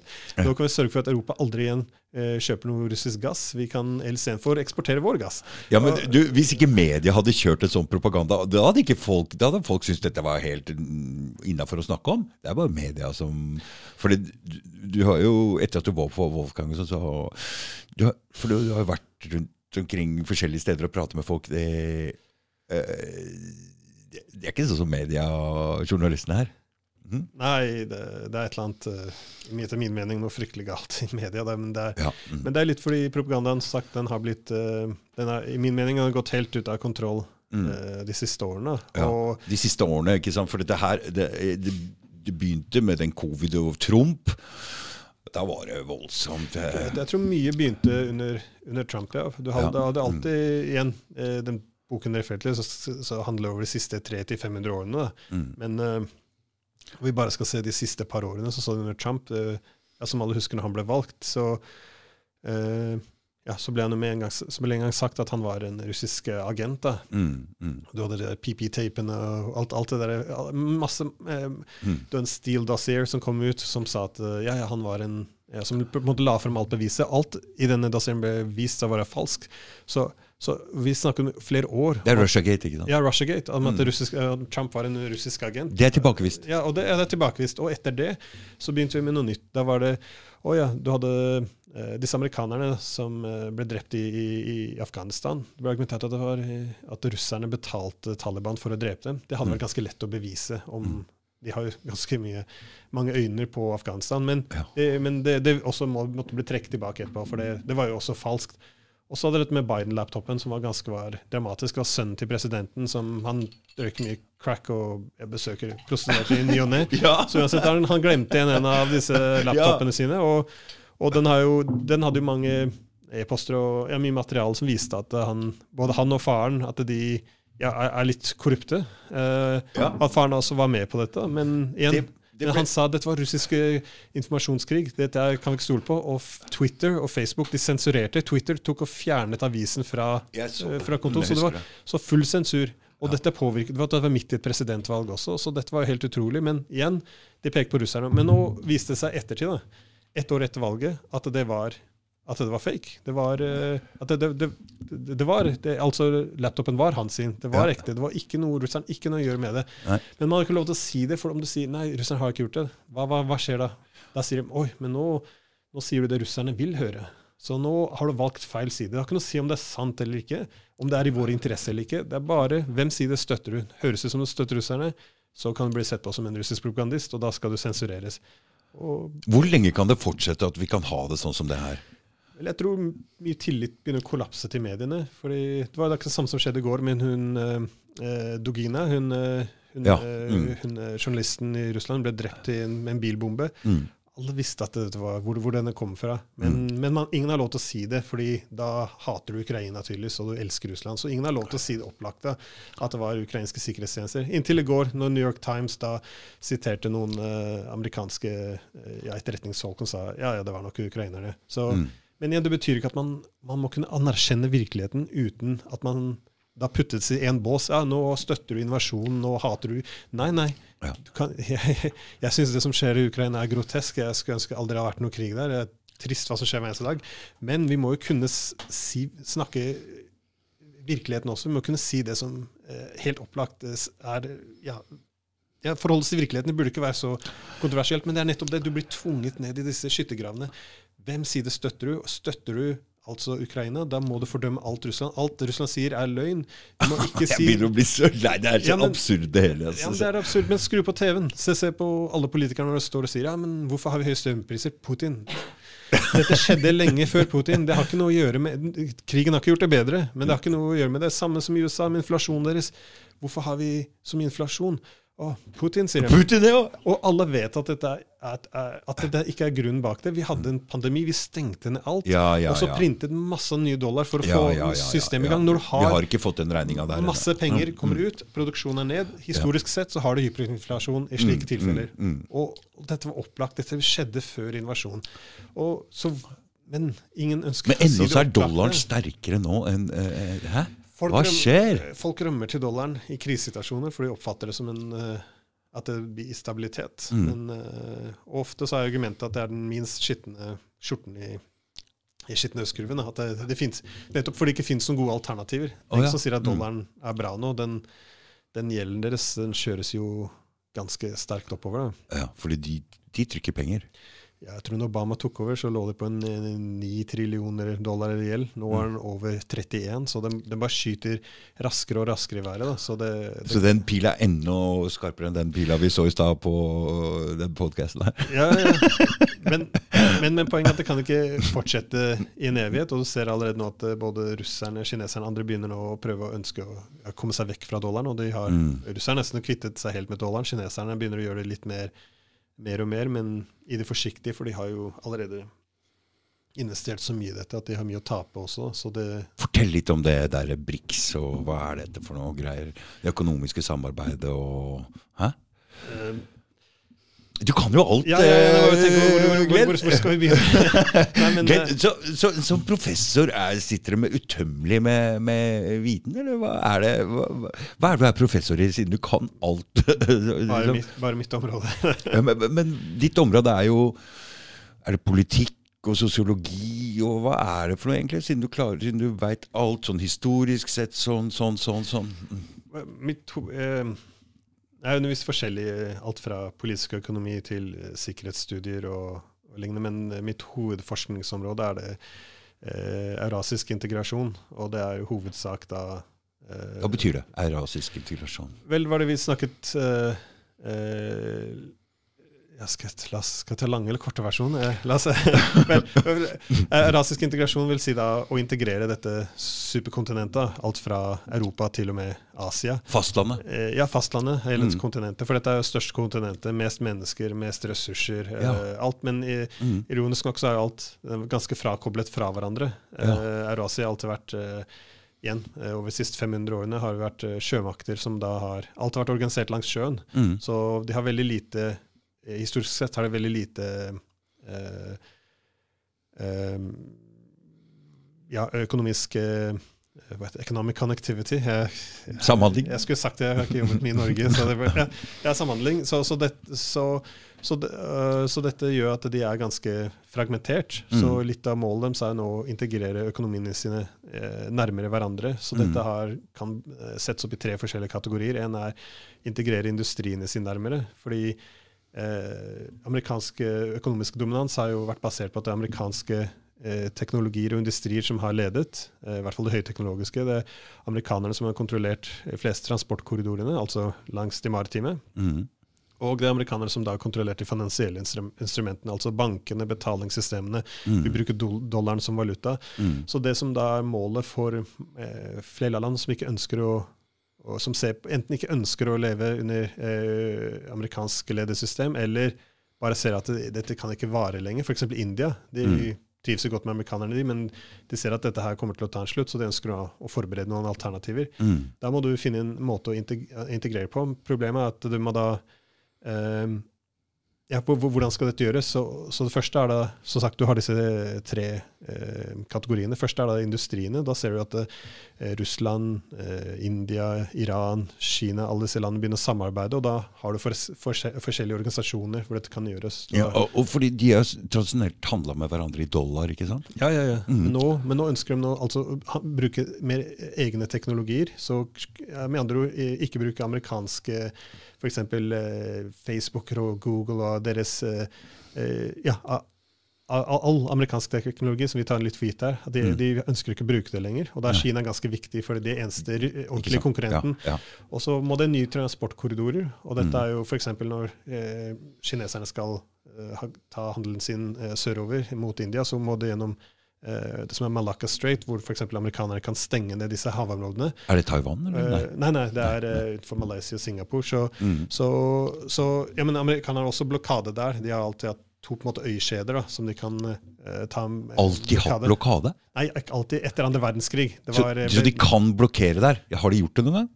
Uh, nei, nei, men de har muligheten. De har muligheten. Uh, ja, ja. Mm. Det så eh, så det, det kineserne ønsker, er å ja, ikke bli for avhengige av uh, transportkorridorer under amerikanernes kontroll. Så nå har de egne korridorer ned alt fra mot Laos, de har inn mot Pakistan, som går inn til India. De har Mm. gjennom Kasakhstan, Sentral-Asia uh, uh, De, Det er langs inn land, mot ikke sant? Ja, altså alle disse transportkorridorene Ja. langs land. I tillegg så utvikler de havkorridorene, så, men da trenger en marine for å, eller sjøforsvar for å forsvare dette. Mm. De bygger disse falske øyene sine rundt i eh, Sør-Kina-havet. Så du har mange Og eh, ja. De bygger falske øyer rundt i kjørehuset? Ja, det er ganske å imponerende. Ja, ja. Så, ja. for å kunne eh, dytte tilbake den eh, amerikanske tilstedeværelsen. Og til slutt så har du også selvfølgelig de finansielle instrumentene. Der at kineserne bygger, har utviklet sine egne banker, de har egne betalingssystemer. De har, eh, eh, ja, og de ønsker nå også, sammen med russerne eh, Iran, og, for vinner over andre land også, og bruker mindre og mindre dollar. Mm. Og det har vært en av konsekvensene. Så det er dette vi merker på kroppen som foregår rundt omkring i verden nå? Ja, ja nei, det, er, det er veldig åpent. Det er dette her de ønsker nå Mm. å gå fram med. Dette er da rasisk integrasjon deres. Ja. Så, og eh, ja, det, og i stor grad så er det en måte å skape en eh, eh, verden som er mindre fokusert rundt USA. Da. Mm. Og eh, Da kommer denne krigen ganske beleilig øh, for noen?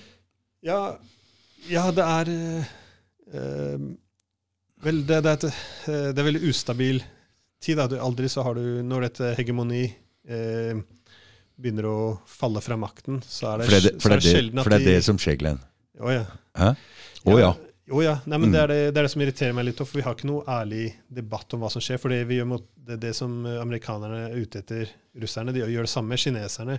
Men man ser ikke det ofte. F.eks. når du leser avisen, ser du at kineserne eh, eh, som, de, de, de, de mener at Taiwan er en del av Kina, de tror dette. Så det, det, Legg merke til ordene de velger. Det, mm. Dette får kineserne til å høres ut som noen ja, gærninger, og de mener at Taiwan er deres. ja, Men ja. hele verden mener dette. Dette har vært fundamentet for stabilitet i Asia. Det var, eh, etter kommunistene tok makten her, så hadde jo ikke amerikanerne og kineserne diplomati i, i lang tid. De anerkjente ikke engang eh, eh, Beijing for å være hovedstaden. De sa at Taiwan var virkelig Kina.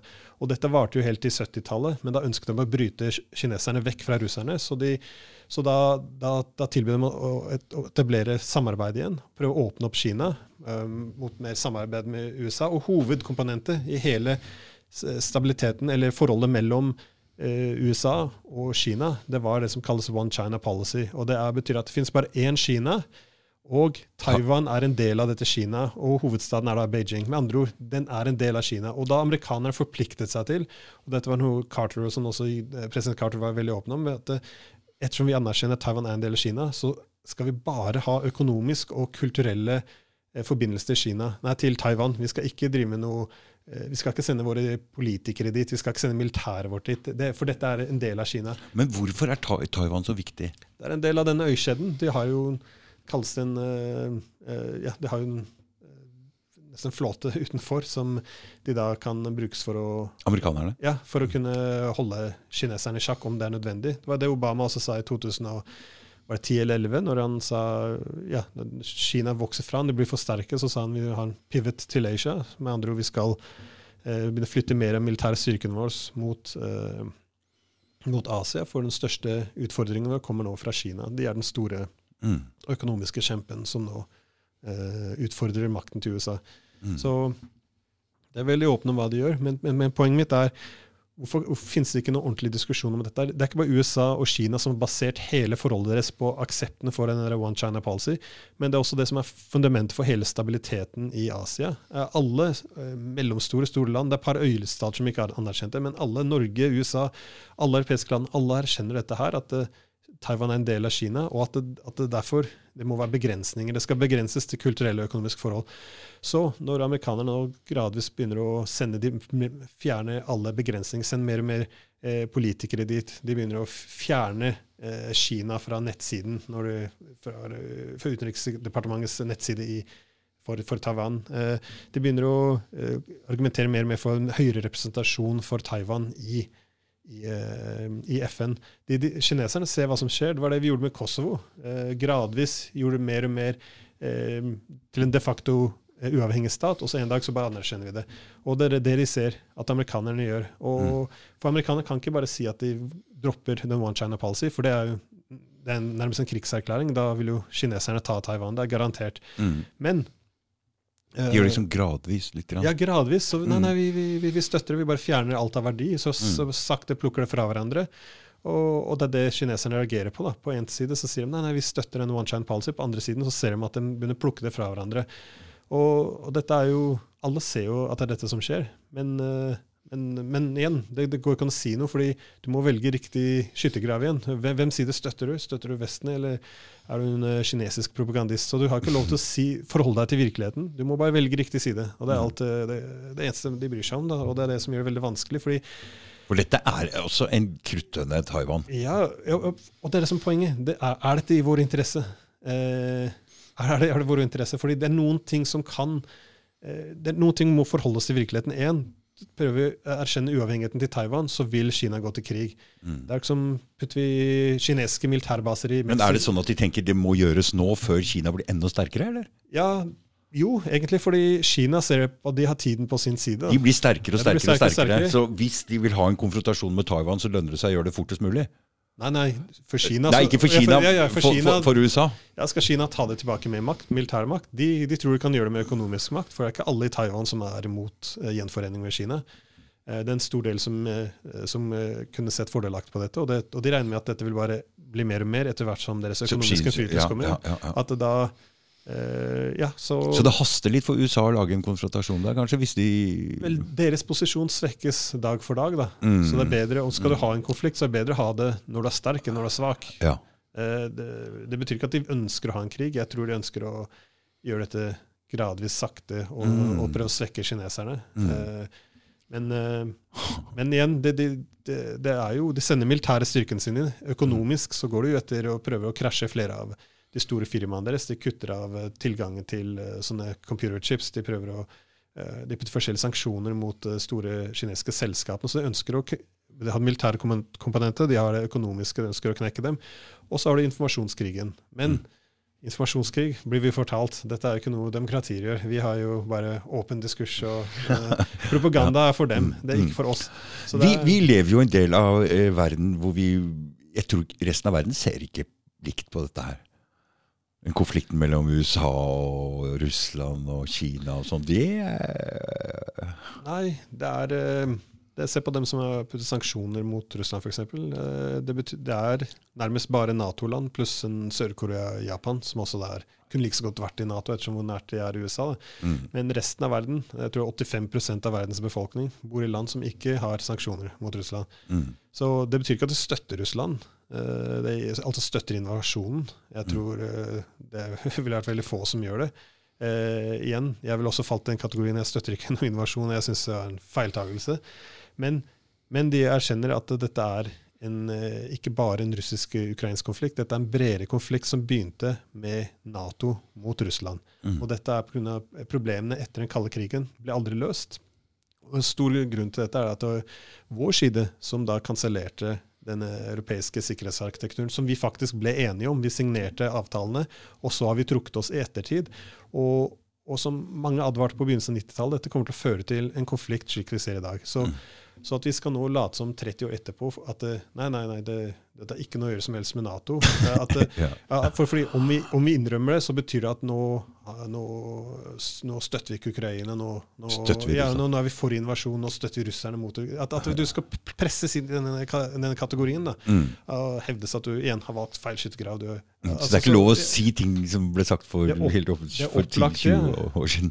Ja, så det er, nei, det er helt utrolig. Det er, eh, og, og det verste av alt er at de, de som at, at om det hadde vært i vår interesse å, å, å kun ja, gå, gå etter russerne på den måten her, så hadde det vært én ting. Men Det er ikke Norges interesse. nei, det er ikke, det er ikke noens interesse. Bare, bare se på løsningene. For eksempel, vi har hatt syv måneder med krig nå. og... eh, og la, la oss være det det er Vesten som Ukraina kjemper nå nesten bare med vestlige våpen. Det er der alle våpenet kommer fra. Denne krigen har vært over lenge siden. Så ellers så vi har innflytelse. Amerikanerne kan, Mm, kan sette seg ned og snakke med russerne når de vil, Ja. og få en slutt. Men hvorfor finnes det ikke noe etter syv måneder fortsatt ikke noe diplomati? Mm. Eh, ingen som snakker med hverandre. Istedenfor så sier Vesten vi skal, vi skal støtte Ukraina, vi skal ha seier på slagmarken. Mm. Og, og, ukrainerne sier hva var en seier? De sier jo vi skal ta alt tilbake til Krim. Krim. Ja, Og det, mitt, mitt eneste argument er eh, at jeg tror atomvåpen kommer til å regne over europeiske byer før Nato får marsjert inn til Krim. At det, er, det blir sett som en eksistensiell trussel av Russland. Mm. Men at Vi trenger ikke være enige med russerne, men at de mener det. Mm. Det, det tror jeg ikke burde være tvil om. Så, så jeg bare lurer på, er det, er det vår interesse? Er det ukrainernes interesse? Er det russernes interesse? Eller, eh, for Ofte så tror vi, så lenge vi heier på riktig side på vår side, at det, det skal være i vår interesse. Men jeg, men jeg ser ikke noen måte dette kan slutte på Mm.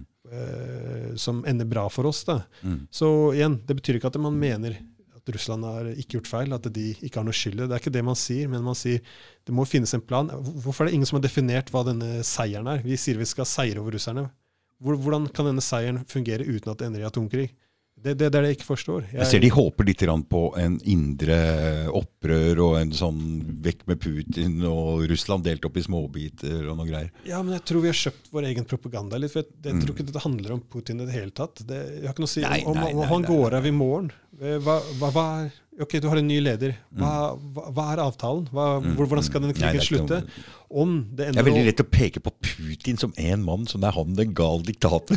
Jeg ser de argumentene hele tiden. Det er bare herregud, det er umulig. Men, men hva skulle vært Ok, når du får en ny mann i, Kreml, hva skal han si nå? Ok, vi går ut av helt av Ukraina.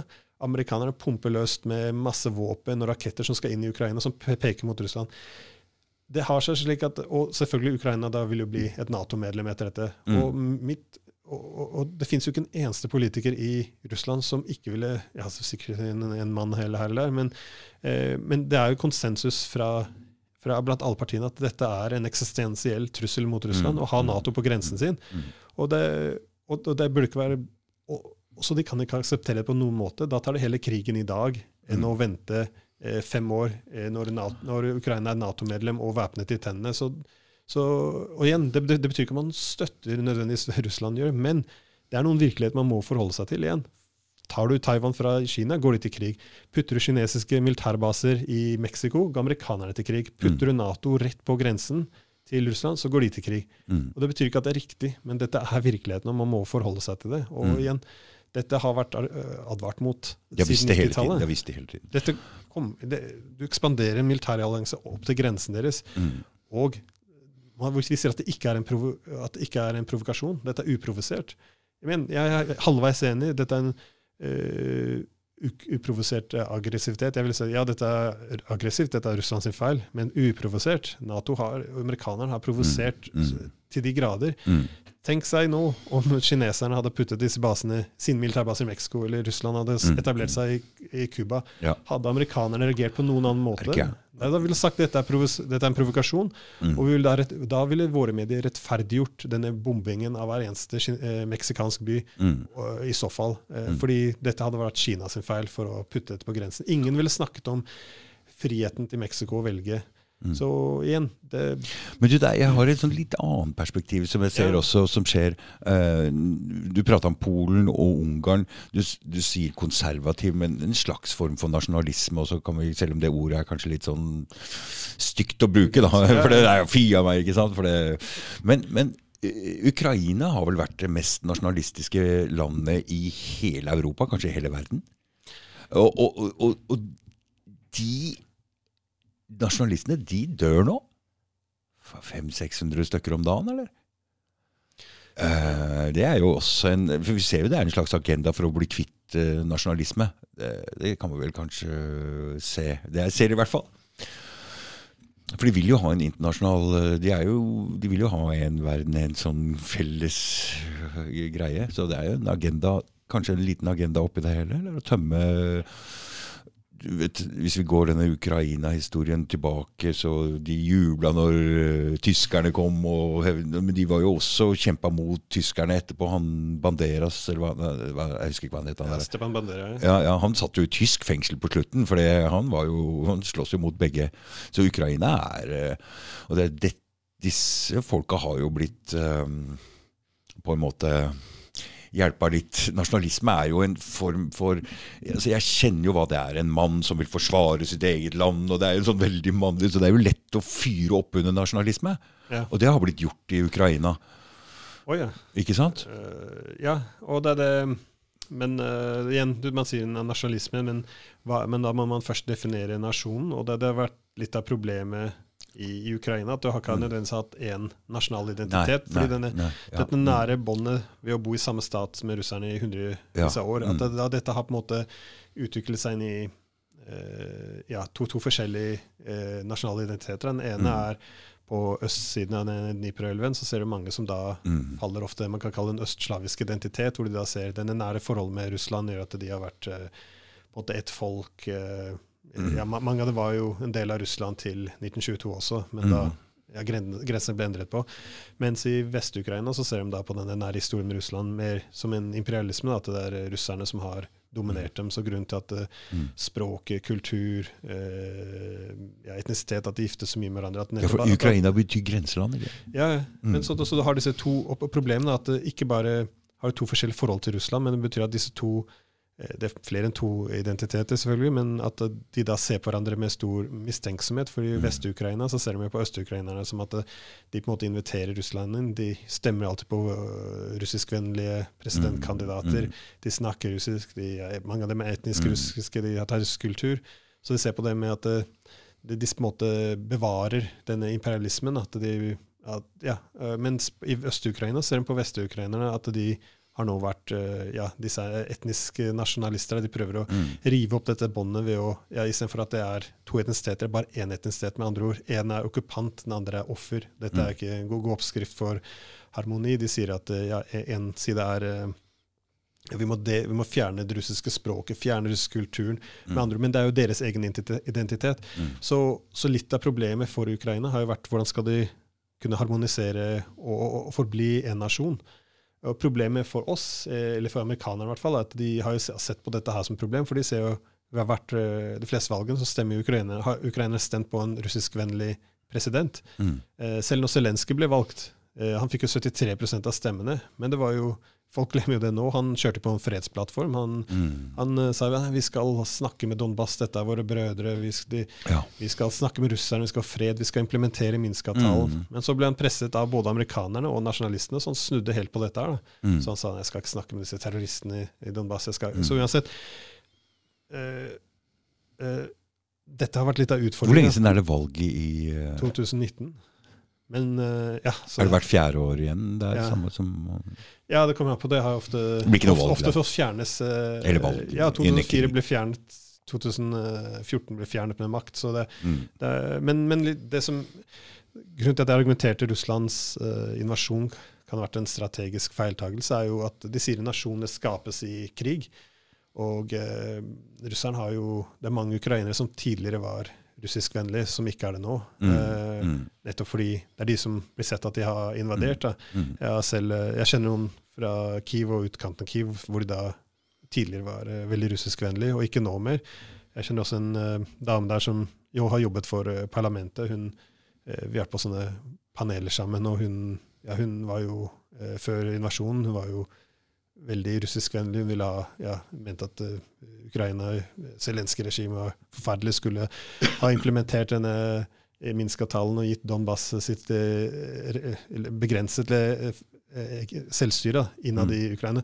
Men etter dette her, hun, både hun og ektemannen er jo nå klart å ta opp våpen og kjempe mot Russland. Så de har, Ja. de, de har mista mange vennlige stemmer. Ja. Og dette er problematisk, og det, det, det er strategisk feil sånn sett fra Russland. Da. Men Mm. det betyr ikke at det er alle. Men han har jo prøvd å gå inn altså Det har jo ikke vært sånn som når Nato går inn i Irak for eksempel, og teppebomber hele og rykker etter med tanks og kjører inn.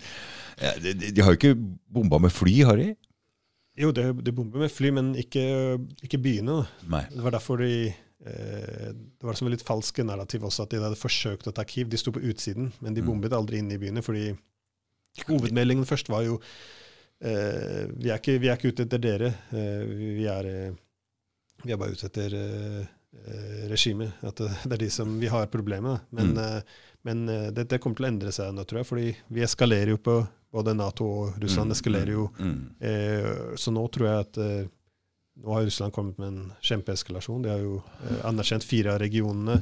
De har eh, Innkalt 200 000 mann ekstra. 300 000 mann ekstra. 300 000 mann. For det er, ingen, det er det som kanskje ikke dekker så godt Eriksen, at eh, russerne har vært eh, dypt eh, De har gått inn eh, med en liten hær. 200 000. Uh, ukrainerne har sittet mellom 600 og 700 000. Vanligvis når du invaderer et annet land. Det er et stor krig, dette. Det er en stor krig, men vanligvis må du ha en eh, må du ha tre til én. Altså Mm. den som invaderer, går, må ha ja, tre til mm. én fordel. Nå Mm. har de jo snudd det på hodet. De har gått inn med én til tre, så ukrainerne er tre ganger så mange mann. Mm. Så det går ikke det har jo vært, eh, Men poenget var at det først skulle være en det kalles spesial militæroperasjon. Mm, mm, så det skulle mm. ikke være så, eh, så omfattende. Men, men nå som Nato pumper inn mye våpen, da, Mm. Mm. da Det er jo en eskalasjon. Vi kan rettferdiggjøre det, men det er Mm. en eskalering. Det, Ja, ja, ja. Så da eskalerer det på sin side, og da, da har de nå gått fra å sagt at eh, Donbass skal uavhengig til å ta annektering av fire regioner, og nå pumper inn 300 000 mann til. Og jeg tror vi også kommer til å se mer nå aggressiv bombing av broer, kraftstasjoner, Mm. og al al alt som trengs da, for, å, Mm, for å vinne. Og til og med mulig at det begynner også å gå til politiske ledelsen. For som sagt, Kyiv er ikke bombet, de vet jo hvor presidenten og politikerne sitter. Mm. De kan jo bombe alle dem i morgen. Eh, og jeg, jeg, jeg tror det kommer til å gå i den retningen, for eskaleringen er nå ute av kontroll. Og russerne de ser det at amerikanerne ikke har noe interesse av å, å finne noe diplomatisk løsning på det. Så eskaleringen er ute av kontroll nå, ja. Den er ute av kontroll, ja. Og igjen, det er det jeg, jeg, jeg ser ikke Når vi sier at vi skal seire over russerne eh, man, kan, eh, man kan rettferdiggjøre det. Ukrainerne blir invadert, det er deres land. Ok, greit nok. Men, men vi må jo også forholde oss til virkeligheten. Eh, en seier eh, er jo vil jo gi det tilfellet Årsaken at Russland gikk inn til å begynne med, at de kan ikke leve med Nato på grensen sin. Så jeg tror at vi ender opp i atomkrig før vi ser noe seier. At eh, den ideen at den, russerne skal dyttes ut av Krim, det kommer aldri til å skje. Eh, så, så, så igjen, man, man kan være uenig i min analyse. Man bruker ikke høre på meg og tro. Det er alt jeg sier. Det ville jo ikke vært veldig smart. Men, men hvorfor, er, er det ikke merkelig at vi er på vei nå? Alle er enige, vi er, tar store skritt mot atomkrig, og det finnes ingen diskusjon om hvordan vi endte opp i den konflikten. Ingen hvordan skal komme oss ut. Hva er en seier? Hadde ikke det vært fint å de- kunne definert hva en seier hadde vært, Mm. og hvordan dette skal kunne foregå? Mm. Men vi, det fins ikke. Istedenfor så Igjen, vi lærer å snakke i slagord og klisjeer og ikke noe ordentlig diskusjon. Og det er det som er så, Jeg bryr meg ikke om du støtter Russland eller Ukraina. hva som helst. Det må jo være mulig å kunne snakke om dette. Det er krigsretorikk, rett og slett. Den propagandaen. Å ja. Mm. Og jeg ser ikke at, eh, hvordan det skal være i noens interesse. Ikke vår, ikke russernes. Mm. at, at det ikke er noe Ja, at det ikke finnes noe diskusjon, det syns jeg er skremmende. Jeg så han Ellen Ilan heter han. I Musk, han, han fikk et litt uh, motbør nå i media, for han gikk jo ut på Twitter og, og la ut sånn derre eh, Hva heter det, sånn polling? eh, stemmeangivning, hvor man da kan Hvor han foreslo Ja, hva om vi Russerne får Krim, men alle andre områder La oss ha eh, FN skal kunne ha folkeavstemning. Om folket ønsker å gå med Russland, ok. Men hvis ikke, så må Russland gå ut. Mm. Hadde ikke vært en fin løsning. Mm. Så mye hat han fikk. Det var hvordan våger du å legitimere det russerne? Greit, ok, det, du liker ikke forslaget hans, greit nok, men er det ikke interessant at det, ingen politikere kommer med noe som helst forslag på politiske løsninger? Han ene karen kommer ut og foreslår noe, og Mm. han blir hetset sånn. Hva er bedre forslag? Hva, hvordan skal vi få slutt på det? La, la oss i hvert fall få en diskusjon i gang. Mm. Eh, Er, skal dette ende i atomkrig? Fordi det er ingen som kommer til å snu nå. Det, det, er, eh, det, er, ja, det er det som er grotesk med det, er hvordan media og politikere oppfører seg. Man, igjen, eh, posisjonen, at eh, denne stillingen, at innstillingen at man, man ønsker å støtte Ukraina, man ønsker å bevare eh, deres territorium og alt dette. Ja, greit nok, det er ikke noe galt i det. det, er en grei posisjon å ta det. Men, men finnes det ikke noen som helst diplomati nå for å få en slutt på den krigen? Jeg syns dette er helt eh, Ja, det er helt utrolig at vi sitter i en situasjon her nå. Det, Mm. Og igjen, eskalering er det eneste kortet vi har å spille nå. Mm. Det er skumle tider, Glenn. Å ja, det er eh, Og igjen, denne Og du kom jo en veldig spesiell du, du var jo her Jeg vet ikke Det var jo var ikke noen konflikt når du var her første gang. Jeg tror du var her for ni måneder siden. Men vi, da vi prata om Russland, hva var, hvordan var situasjonen egentlig for ni-ti måneder siden? Hva var det vi prata om Russland da også? Så, jeg liksom, Jeg tror vi snakket om eh, det var vel allerede Hvordan i nyhetene i noen greier om Ja, for det var vel fra det, det var etter desember, så fra med desember så var det eh, Det var da russerne prøvde det, det de da anså at eh, det, det, de, de så at det, det, dette gikk ikke lenger. Da, så de, Mm. de, fra desember så prøvde de å forhandle fram eh, ja, en siste diplomatisk eh, løsning med, Nato. Da, få en avtale på plass at Nato ikke skulle ekspandere inn til Ukraina. Mm. Eh, så de sa enten så får vi, må vi få avtalen vår, eller så må vi bare løse dette på eh, Det kalte en militærteknisk måte. Mm. Ingen, ja, med slikt eh, litt uklart språk med vilje, da. Mm. Men eh, Og igjen Ja, vi skulle stå på prinsippene våre. med Biden og Jens Stoltenberg og alle sa nei, nei, vi skal ikke forhandle med dette her. Det kommer ikke på tale. Eh, vi skal ikke bli truet. Altså, ok, så da går vi til krig istedenfor. Det, Mm. det er eh, eh, Ja, det er greit å fordømme krig, men man burde kunne diskutere hvordan vi endte opp her. Fordi, som jeg nevnte tidligere, eh, det er verdt å eh, notere seg at det, etter kalde krigen vi,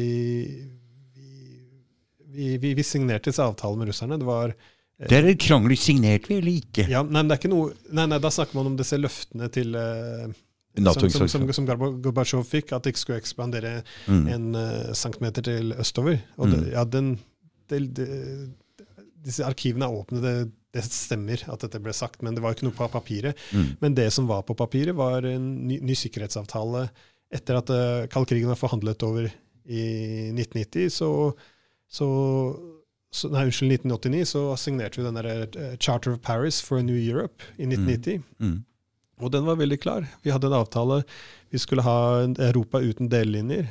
Vi skulle ha udelelig sikkerhet. Med andre ord, én side skal ikke ekspandere sin sikkerhet på bekostning av andre. Mm. Og skulle vi ha suveren likhet. Med andre ord, du kan ikke blande deg inn i mitt land, da kan ikke jeg blande meg inn i ditt land. Vi skal ha samme suverenitet. Og dette ble da eh, også bekreftet igjen i 94, da vi, eh, da vi utviklet en egen, eller en inklusiv paneuropeisk sikkerhetsorganisasjon. Det er en som organisasjon for eh, sikkerhet og samarbeid i Europa, OSSE. Og den repeterte akkurat samme. Det, det var en, faktisk en organisasjon vi skulle, basert på ingen delelinjer i Europa, eh, suveren likhet og udelelig sikkerhet. Men så ekspanderte vi Nato, og da ble alt dette kansellert. For nå har vi jo fortsatt nå Istedenfor å kvitte oss med delelinjene, så flytter vi delelinjene østover. Istedenfor å ha udelig sikkerhet, så øker vi vår sikkerhet på bekostning av russernes sikkerhet. Og istedenfor å ha suveren likhet, så har vi suveren ulikhet. fordi Vi kan jo blande oss inn i Russland. Eh, de kan ikke blande seg hos oss, fordi når vi gjør det, så er det bra for demokratiet. Når de gjør det, så er det et angrep på demokratiet. Mm. Vi kan invadere land fordi det er humanitære intervensjoner. Når russerne gjør det, er det imperialisme. Vi kan vi kan uh, gjennomføre statskupp fordi det er demokratiske revolusjoner når vi gjør det. Mm. Uavhengig om det ligger noe demokrati mm, bak dette. Mm, mm, Mens russerne selvfølgelig har ikke lov til å noe, gjennomføre en statskupp. Så vi har disse uh, det suverene likheten er også borte. Så alle avtalene vi hadde, ble nå fjernet. Og, og det opplagte som alle, eller ikke alle, men som mange advarte på 90-tallet, er jo vi gjenstarter den kalde krigen. For om vi ikke fjerner delelinjene, hva, hva gjør vi istedenfor? Vi flytter delelinjene østover da kommer vi til å ha en ny konflikt over hvor de nye delelinjene skal være. Det var jo kalde krigen. Vi hadde øst og vest, var jo helt klar delelinje. Mm. Men vi kjempet over eh, globale sør, hvor de skulle tilhøre hvert land. Eh, nå har vi jo ikke blitt enige om delelinje i Europa, så nå prøver vi å kjempe. Så hvor, hvor skal Hviterussland ligge? Eh, med oss eller russerne? Hva med Georgia? Hva med Ukraina? Hva med Moldova? Så selvfølgelig kjemper vi for innflytelse i alle disse landene. Mm. Skal de tilhøre øst eller vest? Og dette er jo konsekvensen nå av å eh, beholde disse delelinjene. Og igjen, alt skal nå presenteres som demokrati mot uh, autoritære Russland. Men det vi har gjort, det har veldig lite å gjøre med demokrati. Uh, mm. Veldig lite i det hele tatt. Det er, uh, det er f.eks. dette med å love Nato-medlemskap til Ukraina. Det ble gjort i 2008, når bare en, uh, omtrent 20-25% av ukrainere som ønsket dette. Allikevel så, ja, så, så, gjorde vi dette for demokratiet. Uh, det samme denne demokratiske revolusjonen vi hadde i 2014. Den var jo det ble jo så åpent støttet av Vesten som kunne. Mm. George Freeman kalte det mest åpenlagte statskuppet i moderne historie, for det ble gjort så åpent. Mm. Eh, men vi sa nei, nei, for vi kan gjøre det åpent. For vi bare sier nei, nei, dette er en demokratisk revolusjon. Men vi fjernet presidenten, som var demokratisk valgt, som mm. anerkjente at det var demokratisk valg. Og det var, gikk mot grunnloven deres. Det var ikke nok med det. Vi, vi hadde eh, Uh, ja, BBC hadde jo, de hadde jo uh, undersøkelsen ute hvor de da bekreftet BBC, altså, ikke noe britisk statsmedia, ikke noe russisk, som, som da uh, erkjente da, rett et statskupp, at dette hadde, protestene hadde ikke noe demokratisk majoritetsstøtte blant folket. Nei. Og enda færre støttet jo disse, disse opptøyene. Og enda færre ville jo støttet og statskupp og fjerne han med makt. Mm. Men, men, hva er det vi sier? Nei, nei, det var ikke statskupp, for han, han flyktet. Ja, fordi han skulle bli drept om han blir. Ikke, mm, mm. Det, det, det, det, er et merkelig argument. Ja, mm. Det var ikke statskupp for han, han, som valgte selv å flykte. okay. jeg, jeg, skjønner ikke hva argumentet er. Så uansett, vi, mm. vi, vi, kommer opp med disse slagordene, og nå alle, alle kaller det en demokratisk revolusjon. Ingen har lyst til å ha en diskusjon hva, hva er det som gjør det demokratisk. Ingen. Og samme Zelenskyj, som vi snakket om i 2019 ble valgt. Det var en fredsplattform. Ukrainerne stemte 73 De ønsket fred. Snakk med Donbass. Gjennom, la oss holde oss til disse fredsavtalene som vi forpliktes oss til. La oss uh, finne fred med russerne dette, han var satt på talkshow og sa vet du, det er ikke noen grunn, la oss ikke identifisere oss etnisk, la oss ikke gå etter russiske språket. la oss, Vi må ha harmoni, ellers så kommer landet til å rive seg i to. Så ble det bare snudd på huet? Ja, så ble det snudd på huet. Og, og alle videoene ligger jo på nettet. Det er videoer han står ved frontlinjen og snakker med disse Azov og disse nasjonalistbrigadene. Og de bare sier han, nei, nei, vi, vi, skal ikke trekke oss tilbake. Da får du protester igjen i Kiev. En av lederne for en uh, right sector, eller høyre sektor, han, uh, hva heter han igjen? Uh, Ah, ja, nå står jeg fast der. Ja, uansett, samme det. Mm. Ja, han, han, han, ble intervjuet, eh, som kom i avisen, sa om han Zelenskyj skal gjennomføre det han lovte under valget, så kommer han til å henges eh, fra tre i Kiev. Og han, han, ble, opp, han ble, utnevnt i en, eh, en, Han ble ikke arrestert, han ble utnevnt til en rådgiveren hans etterpå. For dette var jo press. Eh, Dmitrij Jorosj eh, Sorry, det var det som var hans. Mm. Så uansett, eh, dette, var jo, dette, dette, var jo veldig åpen press. Det skjedde jo alltid det veldig åpne. Men mm. vi har ikke lov til å si noe lenger. Og disse var jo veldig eh, på, langt på høyresiden. Det, som sagt, de, jeg følger med på noen diskusjoner og, eh, her og der, men det er de samme argumentene hele tida. Og det er de samme folka også. de ja, ja, men, ja, men det er sånn, Mener du at dette var demokratisk? Forklar det, men vi har ikke argumenter. Det er bare disse slagordene. Og om du ikke går etter slagordene, da er du propagandist, og du, mm. du elsker Putin, og du hater Ukraina, og ja, du må ja, skammes og settes i skammekroken. Det, det, er helt utrolig at, mm. eh, at, at, ja, at, at dette skal være inter, at det skal være vår interesse. Og som sagt, det er, eh, fra, fra, mitt perspektiv, jeg har kritisert veldig mye siden 2014. Liksom, hva, hva, er det vi gjør? Dette kommer bare til å ende på én måte eh, etter, etter statskuppet i 2014. Dette kommer til å ende i krig. Mm. Og ja, dette var, ble argumentert var prorussisk argument. da. Det til Putin. Men hva er det som har skjedd nå? Siden Har noe av dette vært i ukrainernes interesse?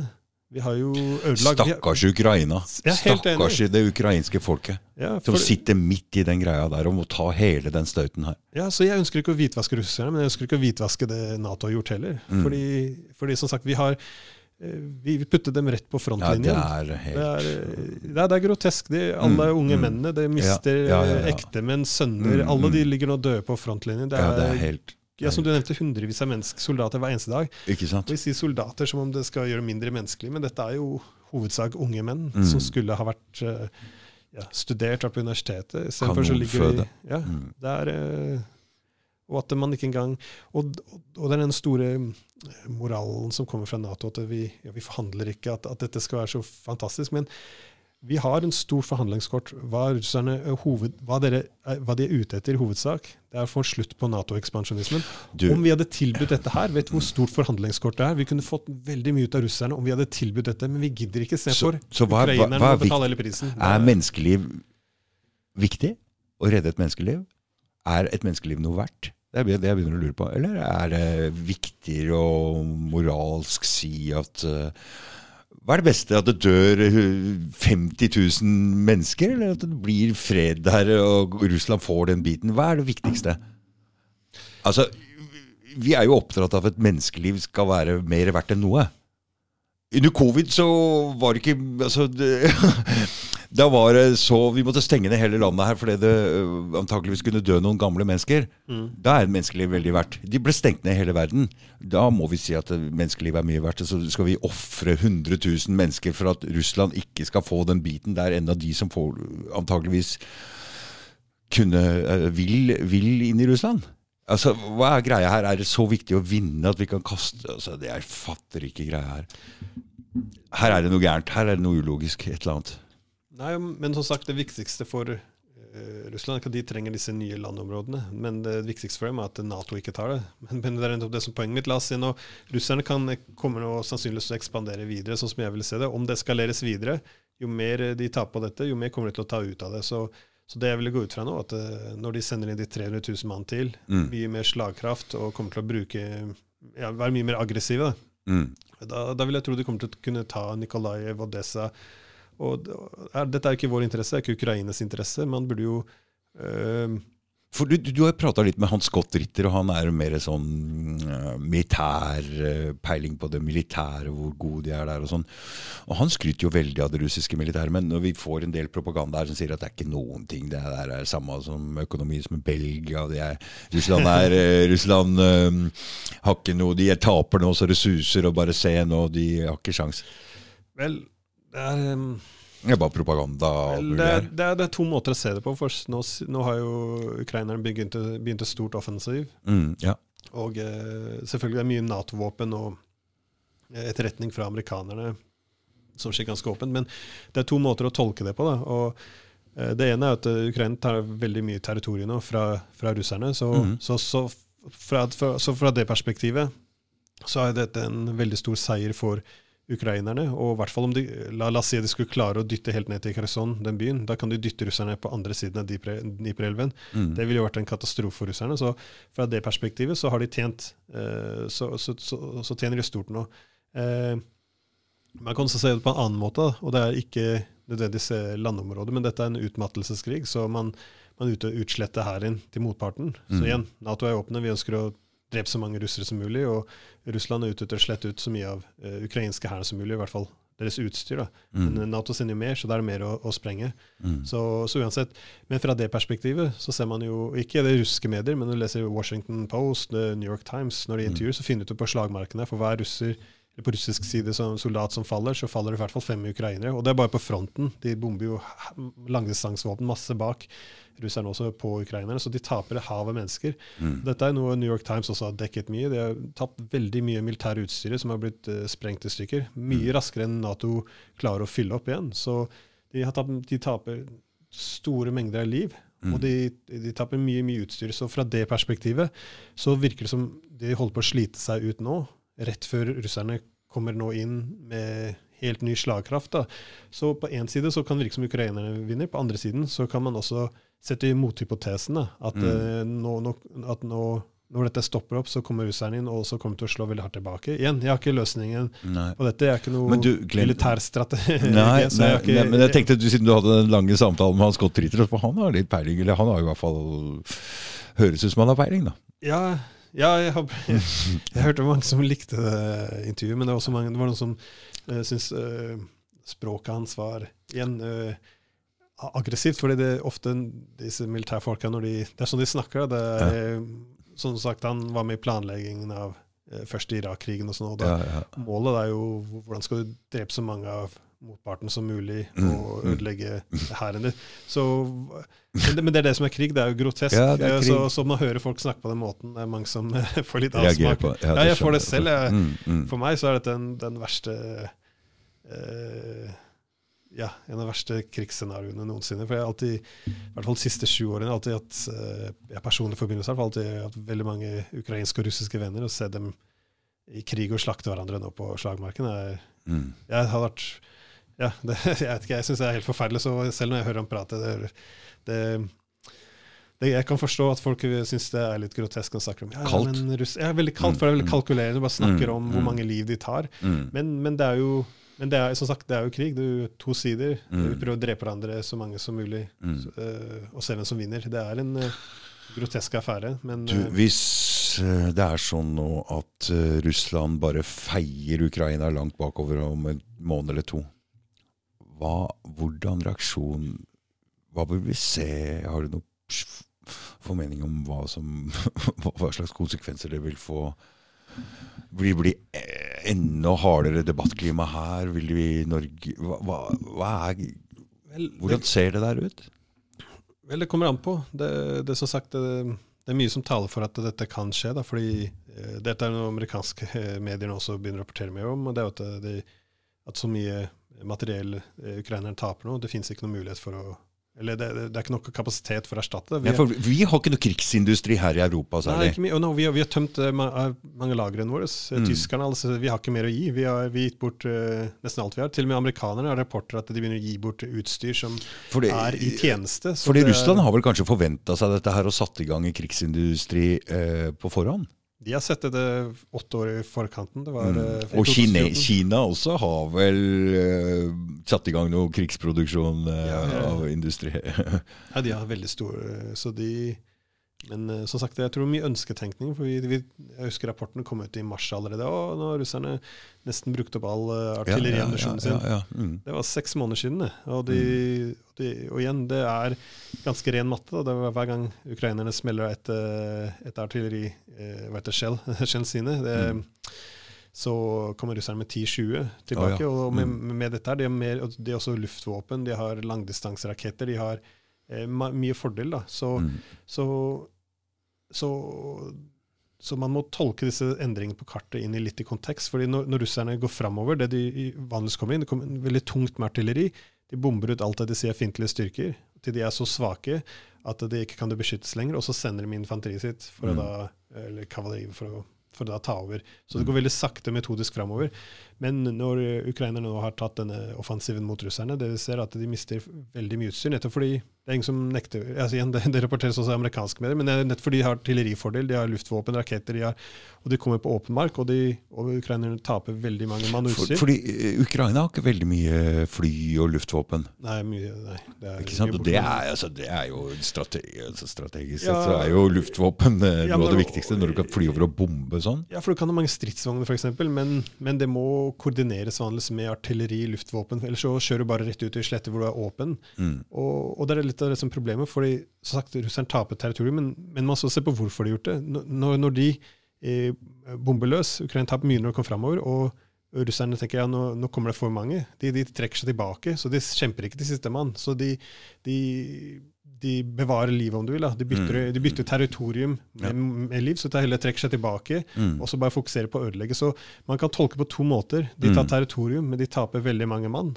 Mm. Så, så igjen um, så, så, derfor så kan man komme til to konklusjoner. En, Ukraina tar så mye territorium at de klarer å, de, å dunke ut russerne fra strategiske stillinger, som mm. da vil si at uh, ukrainerne kommer til å ha stor overtak. Mm. Eh, eller alternativt scenario. De har nå brukt opp så mye mann og uh, uh, utstyr på territorier som de ikke da kommer til å kunne holde. For nå nå som de sliter ut mye av utstyret sitt, så kommer russerne nå som sagt til å slenge 300 000 mann på toppen av det andre. Mm. De kommer til å, det er mye ny slagkraft som kommer inn. De har visst uh, hundrevis av nye droner, og tusen fra iranerne.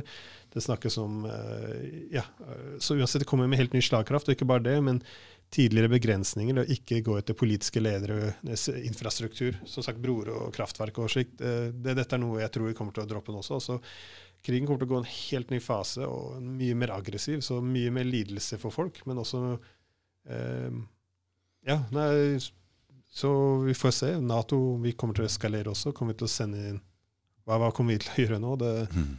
Det, det, går, det går, bare én vei, så jeg håper at uh, uh, diplomati ikke blir et stygt ord for lenge. fordi mm. Prøv å si forhandlinger nå. Diplomati. men da legitimerer du at uh, Putin får tatt mer uh, ukrainsk territorium. Så vi, jeg, jeg, jeg, altså, det er begrensninger på hva han har lov til å si. Er, jeg, tror vi må se dette litt sånn som jeg sa i stad, at uh, hva er et menneskeliv verdt?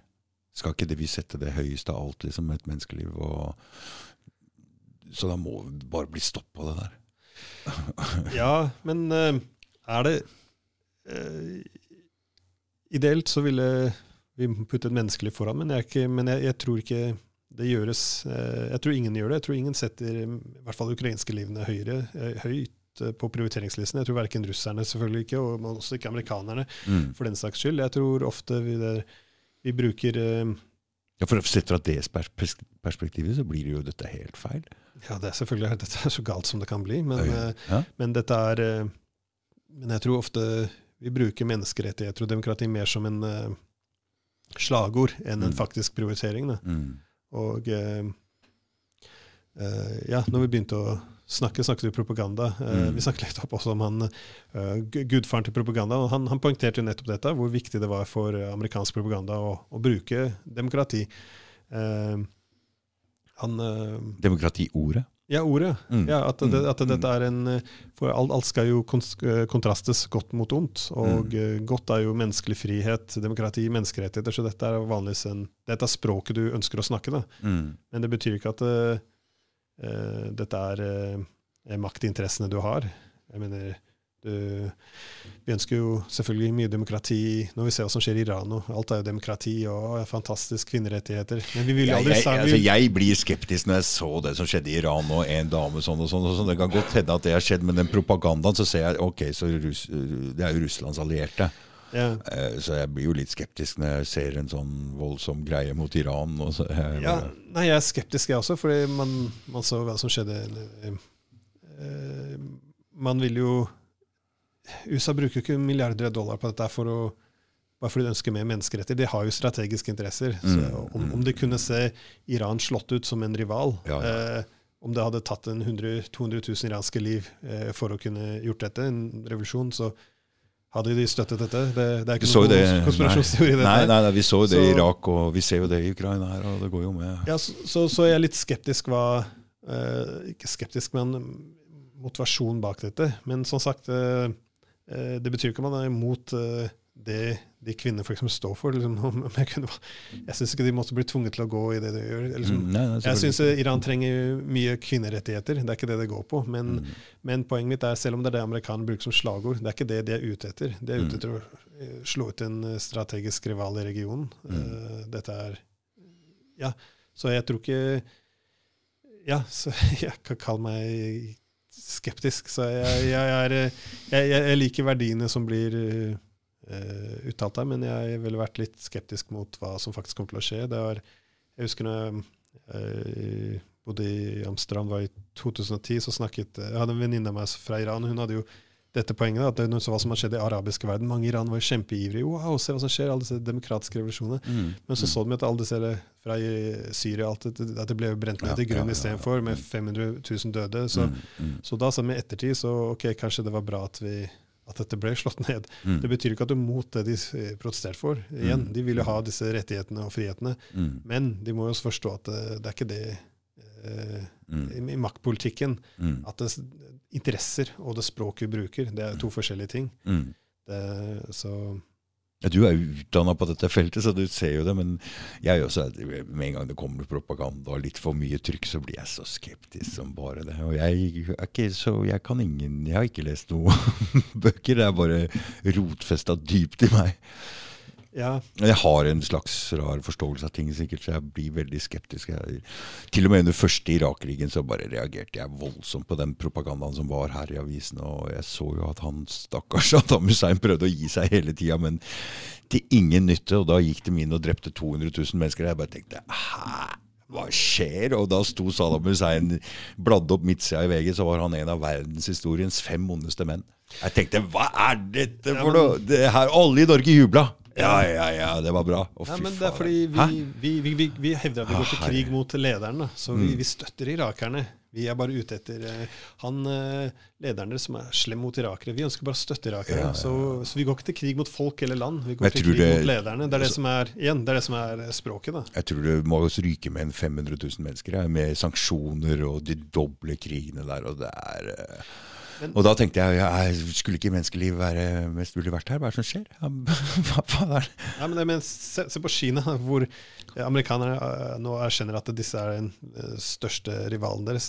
Mm. Og plutselig så har vi nå veldig mye så, veldig mye bekymring for eh, å, kineserne i Xinjiang. Vi har også i Hongkong og Tibet. Og Mm. det er ikke måte på hvor mye menneskerettigheter vi plutselig bekymrer oss for. Mm. Og plutselig i amerikansk retorikken Jeg har en doktorgradsstudent eh, som, eh, som forsker mye på språk, da, hvordan det brukes i politikk. og Han synes også, nå legger jeg merke til at eh, ja, for en ti år siden alle snakket om Kina. Nå, nå, hver eneste gang de uttaler seg i USA, så er det eh, kommunistpartiet i Kina. Så, nå, Mm, så det, det er en mm, å mm. si De- de de, er, er slemminger. De var også, Mm, mm, mm. Det var noe de nylig oppdaget. da. De var kommunistiske for ti år siden også. Ja.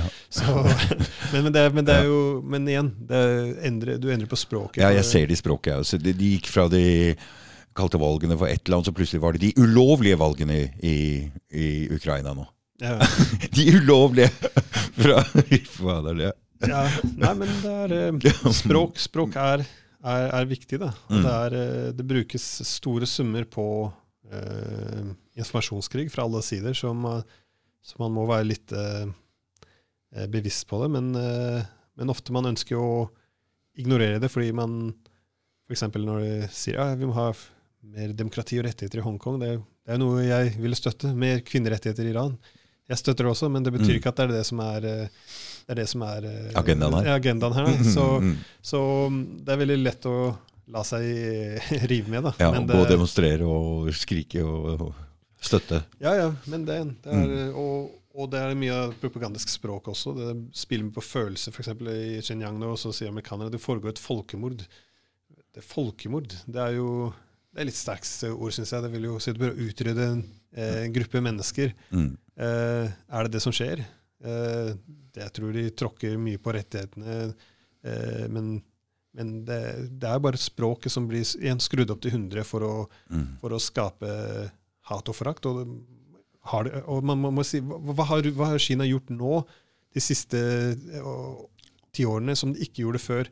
Eh, og se når de, økonomisk, eh, Alle hadde jo kjempegodt inntrykk av Kina. De hadde jo brakt 100 eh, ja, hundrevis av millioner av mennesker Ut av fattigdom, Ut av fattigdom. Mm. De har ikke kriget siden 79, er det, Ja, med invasjonen av Mm, Vietnam. De har mm.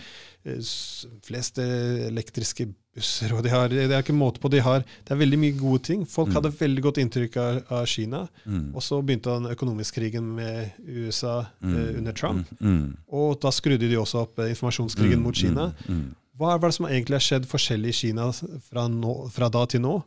Eh, hva var det de gjorde før som de ikke gjorde nå? Og også se på vårt inntrykk av hva, hva folk mener med Kina. Mm. Hvor, Mm. hvor dårlig inntrykk vi har nå. Mm. Er dette tilfeldig? Er det vi som, er, har vi analysert det som skjer i Kina? Er veldig rasjonelle, tolker det, eller, er noen, eller er, blir, man manipulert? Mm. Selvfølgelig om avisene fylles opp hver dag om hvor Mm, forferdelige kineserne mm. er, og hvordan de prøver å utrydde eh, menneskearter fra landet sitt, at, eh, folkeslag, unnskyld.